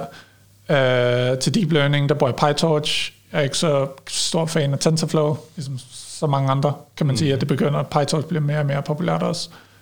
Øh, til simplere modeller, scikit-learn, ja. som alle mulige andre. Mm. Øh, super fedt, open source, virkelig, virkelig vildt bibliotek. Mm. Øh, ja, bruger Hugging Face så meget, så meget jeg kan. Altså sådan uh, Transformers, hvis det skal være NLP uh, på det niveau. Uh, men også bare til dataset, at, uh, ja. at kunne host dataset på deres, på deres platform ja. uh, gratis. Altså det er sådan ret vildt. Altså det må jo koste helt vildt meget at hoste ja. alle de datasæt. Uh, at du så bare frit uh, kan load dem ned uh, med, deres, med deres pakke datasets. Mm. Um, hvad ellers? Det er nok det primære. Altså så alt det andet, der afhænger af sådan en use case. Jeg bruger klik ret meget til... Uh, det bruger man til at lave sådan nogle CLI'er ret let. Ja, sådan, så det, altså til ja, sådan, i terminalen. Ja, ja, lige ja. præcis. Sådan noget command line interface. Eller hvis man bare lige skal lave noget hurtigt. Det er sådan et Scandival er sat op, for eksempel. Ja. Altså, det er, det er vidderligt bare sådan en decorator, du smider på. Mm. Sådan super let. Um, det er ret nice. Jeg bruger Poetry til hele det her dependency management, fordi den er lidt bedre end, eller betydeligt bedre end PEP, til at finde ud af, hvis der er dependency clashes, at den kan finde ud af at justere versionerne af de enkelte pakker, så de alle sammen er kompatible med hinanden, hvilket er ret nice. Udvikler du så også sådan i Python-pakker, eller øh, laver du mere sådan notebooks, eller laver du øh, sådan, uh, scripts, som du, eller sådan, ja. man kan jo både, du ved, skrive scripts, køre fra ende til anden, man kan køre notebook i tilgang, mm. hvor man ligesom, du ved, bare jotter ned. Ja. Så kan man lave mere sådan den modulære tilgang, hvor man øh, laver kode, man genbruger hele tiden, og putter mm. det ind i en Python-pakke. Øh, man kan sidde i øh, Python prompt. Altså, der er mange forskellige måder ja. at gøre det på. det afhænger, hvad, hvad ja, det, sådan, øh, det afhænger lidt af, hvad, hvad opgaven er. Mm. Altså, hvis jeg skal lave noget super eksperimentelt, hvor jeg bare skal kværne igennem mange forsøg, som ikke er systematiske, altså det er ikke sådan noget uh, grid search eller sådan noget. Altså, jeg skal bare prøve en masse ting, tweak en masse ting, så er Notebook super god til det, fordi du får sådan instant feedback. Mm. Um, hvis jeg skal lave noget mere systematiseret forsøg, det kunne være at sætte træningspipelines op og justere hyperparameters og sådan nogle ting. Uh, så arbejder jeg bare i, Python scripts. Ja. Um, der bruger jeg det der Hydra-bibliotek, mm. som er sådan et bibliotek, man bruger til at styre sin configs. Ja. Så det gør det rigtig let, når du så skal køre dit, uh, dit script, så kan du bare fra terminalen sige, kør det her script, og uh, batch skal være 2 nu. Eller, sådan, mm. eller uh, den her hyperparameter skal være 10 nu, eller et eller andet, så kan du ligesom bare køre det. Du kan også sige, at batchstørrelsen skal være 2,5,32,1024, så kører den bare alle de eksperimenter og spytter outputtet ud. Ja. Det er sådan øh, super let. Mm. Uh, så det er ret lækkert. Um, hvis jeg skal udvikle pakker, som jeg også gør relativt meget, uh, så bruger jeg ikke Hydra, fordi det er ikke eksperimenter på samme måde. Det bliver mere en udviklingsopgave. Det skal genbruges af andre kode. Ja, lige præcis. Ja. Så der sidder jeg bare altså i Python, mm. og øh, bruger ikke configs, bruger ikke noget som helst. Det er meget afhængigt af, hvilken pakke jeg udvikler. Mm. Øhm, sætter, ja, så det derop, så det kan lade sig gøre. Mm. Det er der, hvor poetry er virkelig nice også, fordi når du gerne vil udgive en pakke, så skriver du videre bare poetry publish, og så ja. er sådan magi, og så ja. det er sådan, jeg har siddet og gjort det her i pip før, og det er sådan, altså du skal skrive sådan noget 6-7 kommandoer eller sådan noget, mm. så, sådan, så skal du builde din pakke, og så skal den lægges op et særligt sted, og så skal du lige uh, køre alle releases igennem, og alle de her ting, det hele, det skal, alle dine tests skal køres igennem, og ja. versioner, og så skal du opdatere din changelog, og så mm. alle de her ting, det er bare sådan, åh, hvor at det er ret lækkert, at det er bare smooth. Ja, det spiller. Ja, det har også langsomt været en proces, hvor at jeg har bygget sådan et, uh, min data science skabelon repo op over længere tid, som hele tiden bliver tweaked lidt øh, som bare har de ting, som jeg gerne vil have. Øh, så det er lavet med det her cookie cutter ja. øh, bibliotek, som bare sådan, altså det er en terminal øh, interface, hvor du bare kan sige, i mit tilfælde, så har jeg sat det op til, at jeg bare kan skrive sådan en new project. Mm. Bum, så bliver du promptet, hvad hedder projektet, øh, hvem er det, der er ansvarlig for den, du, du, du, du, du. sætter den hele projektet op for dig, altså som jeg gerne vil have det, med de rigtige filer, alle sådan noget uh, continuous integration bliver sat op automatisk med GitHub, og alle de her ting bliver ligesom bare sat op, uh, så det hele, så man ikke behøver at tænke på irriterende ting. Ja, ja. ja. Kan du forklare mig, hvordan det kan være, at øh, der er rigtig mange, når de skal træne modeller, altså når de ligesom skal trykke på knappen, der træner modellen, så har de et øh, bash-script, Ja. som kører et Python-script med argumenter. Og så kører de. Nå. Det afhænger lidt af, hvad for nogle... Øh, delvis, hvis det er NLP-modeller, altså mm. Transformers-modeller specifikt, så er det ofte fordi, at Hugging Face, som er ja, firmaet, der har lavet det her Transformers-bibliotek, de har lavet sådan nogle eksempelscripts, Ja. hvor det er sådan noget, hvis du gerne vil, vil træne en, eller prætræne en model med det her Master Language Modeling for eksempel, mm. så har de lavet et script, som bare tager højde for alting nærmest. Mm. Og det har også et tilhørende CLI, mm. så du kan køre det fra terminalen. Ja. Og det er ofte, hvis man gerne vil bruge det, det kan være, at man tweaker en lille smule, men overordnet set bare gerne vil bruge det, så det er lettere at bare bruge deres CLI. Mm. Altså bare sige, det er den her kommando. Mm. Øh, og selvfølgelig er det også bedre, at du laver det i et bash script, frem for at du bare skriver det i din terminal, fordi at så kan du huske, hvad du har Ja, hvad du kørt. skal du ikke og det er også mere reproducerbart, at hvis andre, der gerne vil gøre det, så kan de se, hvad du gjorde. Mm. Du, kan, ja, du kan selv huske, hvad du gjorde også. Mm. Du kan køre det igen, du kan justere nogle ting og sådan nogle ting. Ja. Men det er så der, hvor at, igen, det, kunne, det svarer lidt til, at du kører det med Hydra for eksempel. Mm. Og at i stedet for at gå ind og hardcode din config til noget specifikt, så gør du det bare i stand til, at du kan ændre din config løbende. Sådan, ændre sæt batch styles til at være det her, sæt det her til at være det her, mm. og, så videre, og så kør, kør scriptet. Så det, er sådan, det vil være mit, mit gæt, Okay. umiddelbart. Sidste spørgsmål. Hvad hedder det, øh, hvis, øh, hvad vil du, øh, hvis du skulle give et godt råd til en, øh, en, en, et ungt menneske, som godt kunne tænke sig at øh, ja. lave noget af det samme, som du laver, øh, øh, hvad hedder det, måske lave en PhD i matematik, og, eller du ved, blive, altså sådan, beskæftige sig med open source, og mm. involvere sig så meget, som du, eller sådan, hvad, har du sådan, hvad vil du sådan, ja, sådan, har du nogle, hvis du, måske hvis du skulle give dig, have givet dig selv et råd for 10 år siden, agtigt, sådan noget, Ja. ish til, hvordan man ligesom skal angribe alt det her. Ja, jeg tror, det kommer an på, hvor i din karriere du er. Altså, hvis du gerne vil lave en PhD, for eksempel, synes jeg, det er altså, super fedt. Uh, og hvis du gerne vil lave en PhD, det er, nu er jeg sådan super biased, fordi mm. at, det var min proces, men så vil jeg umiddelbart tænke, at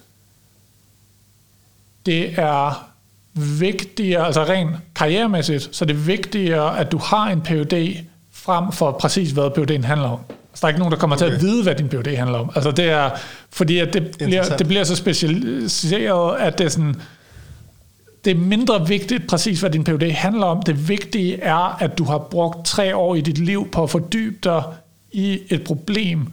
Den Ja. egenskab kan du bruge så mange gange, altså sådan ja. efterfølgende. Det gør dig i stand til at se problemer på en helt anden måde, og ja, det vil jeg ikke, og øh, bare ikke give op. Mm. Øh, så jeg tror, hvis man gerne vil have en PhD, lad være med at tænke på, om det er den rigtige PhD, du tager i forhold til et job efterfølgende. Tag det, som du synes, der er sådan super nice. Mm. Altså, hvad er det, der gør dig motiveret til at stå op om morgenen og ligesom bare virkelig, du skal virkelig elske din PhD, mm. til at starte med i hvert fald. Ja. uh, Indtil du øh, møder... Ja, det er altid, ja. altså det er sådan det sidste halve år en PhD. Jeg har ikke mødt en endnu, som ikke hader sit liv, Ja, inklusive okay. mig selv i slutningen. Mm. Det er øh, dødens pølse.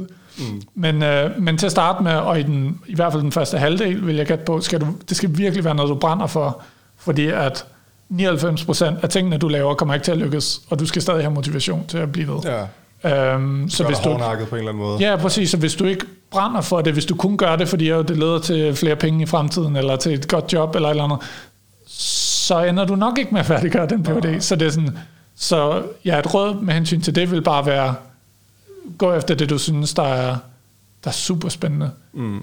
Uh, hvis det ikke lige er en PhD, du gerne vil have, hvis du gerne vil, uh, lad os sige, tage en kandidat eller sådan noget, så vil jeg være mere påpasselig. Øhm, I forhold til karriere i hvert fald. Mm. Altså i hvert fald gør der nogle tanker omkring, hvad er det, du gerne vil bagefter. Fordi at arbejdsgiver ved mere, hvad en given kandidat handler om. Altså de kan godt kende ja. forskel på matematik og fysik, eller whatever, det har man ligesom hørt om, men at kende forskel på de her niches Ja, ja. undergrene af matematikken, det er der ikke nogen, der ved. Det virker som om, at øh, på det, du har fortalt her i den her podcast, at man kan risikere at beskæftige sig med noget i sin PhD, hvor der vidderligt er 40-100 mennesker i verden, der ved, hvad det Præcis. handler om. Ikke? Og det kan stadig være super spændende. Ja. Øhm, det kan også godt være, at du ikke ender med at lave noget, Men så- så, der så minder man- om det bagefter. Men så skal men, man bare huske ja. på, at så alle andres syn i verden på dig, det er bare sådan, åh, du har bare lavet et eller andet vildt. Ja, og det er, sådan, og det er virkelig dumt, og det er sådan noget, og størstedelen af, hvad jeg lavede, det virkede ikke, og sådan noget. Altså, det er sådan, jeg følte mig ikke sådan specielt sådan, wow, et eller andet. Um, men det var spændende, mm. og, og jeg tror, det er det, som man skal tage med. Ja. Uh, så tænk på karriere lidt, men særligt i forhold til sådan noget phd halløj så prøv at tænke mest på, at uh, det, skal være, det skal være nice. Må, må jeg tilføje noget, som jeg synes, jeg har lagt mærke ja. til i din historie her, også med, hvordan du ligesom kom ind i alt det her. Det virker også som om, du har været god til sådan at involvere dig i andre, der laver det samme. Eller sådan. Det her med, at du har lavet det her seminar, du ved, det forestiller jeg mig, at du har lært utrolig meget af, det her med at sidde og mm. altså sådan, have den her ugenlige samtale online med folk, hvor du snakker om, altså lære at tale om de her ting og sådan noget. Det ved jeg ikke, det, det er bare, hvis det... Ja, det er Det rigtigt. synes jeg lyder mega fedt, og det tror jeg er totalt undervurderet af mange. Sådan. Ja, det kan godt være, at Altså det, sådan, du kan godt huske Ja. at komme ud af din egen lille verden, sådan ud Ja. og, og snakke med andre, og finde ud af, sør- sørge for, at du også finder ud af, hvordan andre forstår de her ting. Helt sikkert. Øh. Og jeg tror, det hænger lidt sammen med altså den her grundsten i en PhD også. Altså, at du er vant til at arbejde rigtig lang tid mod mm. noget. Altså, det er, sådan, det er jo ikke bare noget, du kan lave på et par måneder eller sådan noget. Mm. At du skal prøve i virkelig mange år at, øh, at få lavet det her projekt, som handler om den her ene ting, princippet. Mm. Øhm, så jeg tror, hvis du sætter dig for at gøre noget, det kan være, igen, interagere med andre mennesker i forhold til data science, eller i forhold til alt muligt andet. Hvis du systematiserer det, eller strukturerer det, Ja. det kan være et seminar, det kan være alt muligt andet, okay, men så, så er det lige pludselig lettere. Så er det sådan, okay, vi skal bare lave det her en gang om ugen. Vi er vant til, at ting tager tre år, så det her tager sikkert tre år, eller sådan noget. Vi Ja, kører det bare. Det er fint, det er 150 seminarer, det, er sådan, det gør vi bare. Mm. Øh, og så gør man det. Jeg tror, Øh, man undervurderer, hvor freaking klog man bliver og sådan noget der. At det der med Det at gør få man. idéer ud af sit hoved, blive, Ja, ja. og ligesom få øh, øh, være, blive vende sig til at øh, dele idéer med andre, og ligesom mm. også øh, blive god til at tale om det, men også bare det her med, jeg synes, det synes jeg selv, jeg oplever, at hvis man sidder for længe med noget, en idé, man har, eller et eller andet, så kan man godt begynde sådan at køre fast i den, og sådan tænke den steder hen, hvor den skulle måske have stoppet. Mm. Og det er ligesom om, det skal man lige finde ud af, det skal man lige have tjek ind med andre, sådan, ja, ja. giver det mening, det her? Der er skal noget jeg- uh, reinforcement learning ja, with human feedback. Men, og det, og det, det skal ja. man også sørge for, at sine tanker ligesom kommer Ja, ud i verden. ja, ja, ja. Fordi ellers så, så øh, får, kommer Ja. de på et local minima. Ikke? Altså man skal ligesom ud og... Ja, Der er virkelig mange dårlige jokes i ja. det her podcast. Ja. ja. Undskyld. ja, sorry, sorry. øh, Men, øh, men jo, helt sikkert det her med konstant, måske også udfordre det, som du har lært. ja, Og du udfordrer dig selv ved at eksponere dig selv. Altså ved at lave seminarer, eller det kan være generelt bare give oplæg. Det kan være, at du kan give oplæg på dit arbejde, hvis I har noget internt. Du kan give oplæg på alt muligt andet. Det kan også bare være prøv et nyt library. Ja, ja som vi præcis. Og så snak med dine øh, kolleger eller venner om det, som måske laver noget lignende. Det kan bare være sådan over frokost. Det er sådan et eller andet. Søg nye øhm, ting, øh, kommunikere om, snak med nogen om det. Præcis. sørg For, ja. Og så samtidig det her med konsistens. Altså det er sådan, hvis du gerne vil være god til noget, så kræver det tid. Mm. Altså det er sådan, folk de siger, at folk, der tager en PhD, er sådan nogle sindssyge, like brainy, et eller andet. Nå, det er bare fordi, de har brugt tre år på at lave én ting. Ja, altså det, ja. det, det er virkelig bare, altså konsistens. Hvis du bare laver noget og udvikler dig selv gang på gang på gang på gang, og gør, bliver ved med at gøre det i et år eller to år, mm. så er du pludselig blevet en ekspert på det. ja. Og det er sådan, uden at du tænkte over det, det var ligesom bare et step ad gangen-agtigt. ja. Øhm, Så, og, det er også derfor, det jeg hørte også sige, det der med, at man skal nyde det. Altså, du skal, du skal Ja. ikke Ja, ja, have ja. Den der, øh, det der ene mål, du har for enden af, af, PhD'en i sigte. Du skal ligesom lære det her med, at åh, hvad, øh, nu er der noget, der hedder poetry, nu er der noget, der hedder click, nu er der et eller andet, der hedder noget, det skal vi tjekke, eller sådan, og nu er der den her nye form for... øh, og sådan at ville opdage nye ting også. Ja. Og sådan noget. Men jeg tror, det er sådan generelt, for mig i hvert fald, har jeg fundet ud af, og det var sådan lidt en øjenåbner for mig personligt her, for ikke så mange år siden. Altså det her med, at du kan vidderligt, hvis du har motivationen, sæt dig ned eller stå op, eller eller og, og, og, og lære noget. Og hvis du bare bliver ved med det længe nok, så bliver du pludselig virkelig, virkelig god. Ja. Det er, sådan, det er virkelig underligt. Det er sådan, da jeg startede min PhD i, ja, lang tid siden i 16, det er sådan, jeg havde aldrig lavet yoga før på det tidspunkt. Det begyndte jeg i løbet af min PhD. Jeg lavede det sådan et par gange om ugen.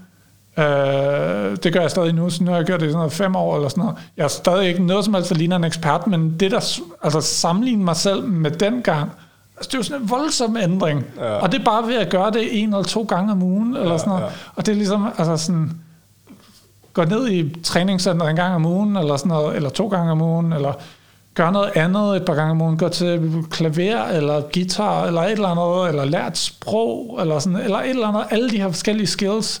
Bare gør det i rigtig lang tid. Lidt af gangen. Bare en lille smule, så bliver du pissegod. Mm. Eller sådan, og, det, og det var sådan virkelig fedt, at, det er sådan, at du kan gøre det på, lad os sige, et år eller to år. Mm. Det er ret mange skills, du kan nå at lære i løbet af et liv. Ja, og så Og det er sådan, okay, vores sig- mentale kapacitet rører lidt ned Ja, ja, ja, tid, ja. men, men, men ja, Man kan også forestille sig, jo mere, øh, for eksempel på en PhD, så hyperfokuserer man det Ja, fokus, ikke? rigtig meget, Og så, du ja. ved, så bliver man bare rigtig, øh, så bliver man bare virkelig god til én ting, ikke? Det er ikke, fordi man ikke kan finde noget at kode, ikke? Og du ved, Mm. Ja, ja, ja. Men sådan, så dygtig gør man sig bare rigtig meget inden for det. Mm. Hvorimod, hvis man sådan, så... Altså hvis man er sådan lidt mere generalist, så bliver man sådan mere... Øh, ja, sådan, så, så det er en anden form for øh, ja, ja, viden, eller sådan... præcis. For eksempel der ham der, der bare har altså Messi eller et eller andet, ved, nogen, der bare er virkelig god til et eller andet, ikke? Det er nok også, altså en stor del af det er der også nok også bare, de har fucking gjort det rigtig meget, ikke? Og de har bare virkelig ikke lavet særlig meget andet i rigtig lang Præcis, tid, ikke? præcis. Og det er også sådan, hvis du er generalist, så er der alle mulige andre skills, som du lærer, som de andre ikke lærer. Ja. Ja. Det kan være, at du bliver rigtig god til sådan task switching, for eksempel, hvor du hopper fra en task til den anden, eller du får et kæmpe overblik over en masse ting på én gang, ja. fordi du ikke kun skal tænke på én ting. Så hvis, og hvis du lige pludselig gør det i længere tid, så bliver du kæmpe ekspert inden for det. Mm. Altså, det er sådan nogle lederegenskaber og sådan noget, ja. at du pludselig kan lave alt muligt på en gang. Så det er sådan, det er lidt det samme, at hvis du identificerer nogle ting og er konsistent i forhold til at blive ved med at blive bedre og bedre, ikke bare vedligeholde, men blive bedre og bedre, så bliver du rigtig god. Så skal nok komme. tidspunkt. Ja, ja. ja. Og så, er det sådan, så skal du bare tro på processen. Mm. Smukt. Jeg synes, det er et smukt taget bedre end tro på processen. Hvad har det? Dan, tusind tak, fordi du var med. Jeg synes, det var en rigtig fed samtale her, og ja, vi var vil lave lige måde. Vi vil lave en tur på et tidspunkt. Helt sikkert. Når GPT 7 kommer, eller Ja, ja, ja. nej, forhåbentligvis før, men, øh, men ja. Ja. Se om det lever op til hypen. ja. Tak fordi du gad med. Helt sikkert. Tak lige meget. Mm.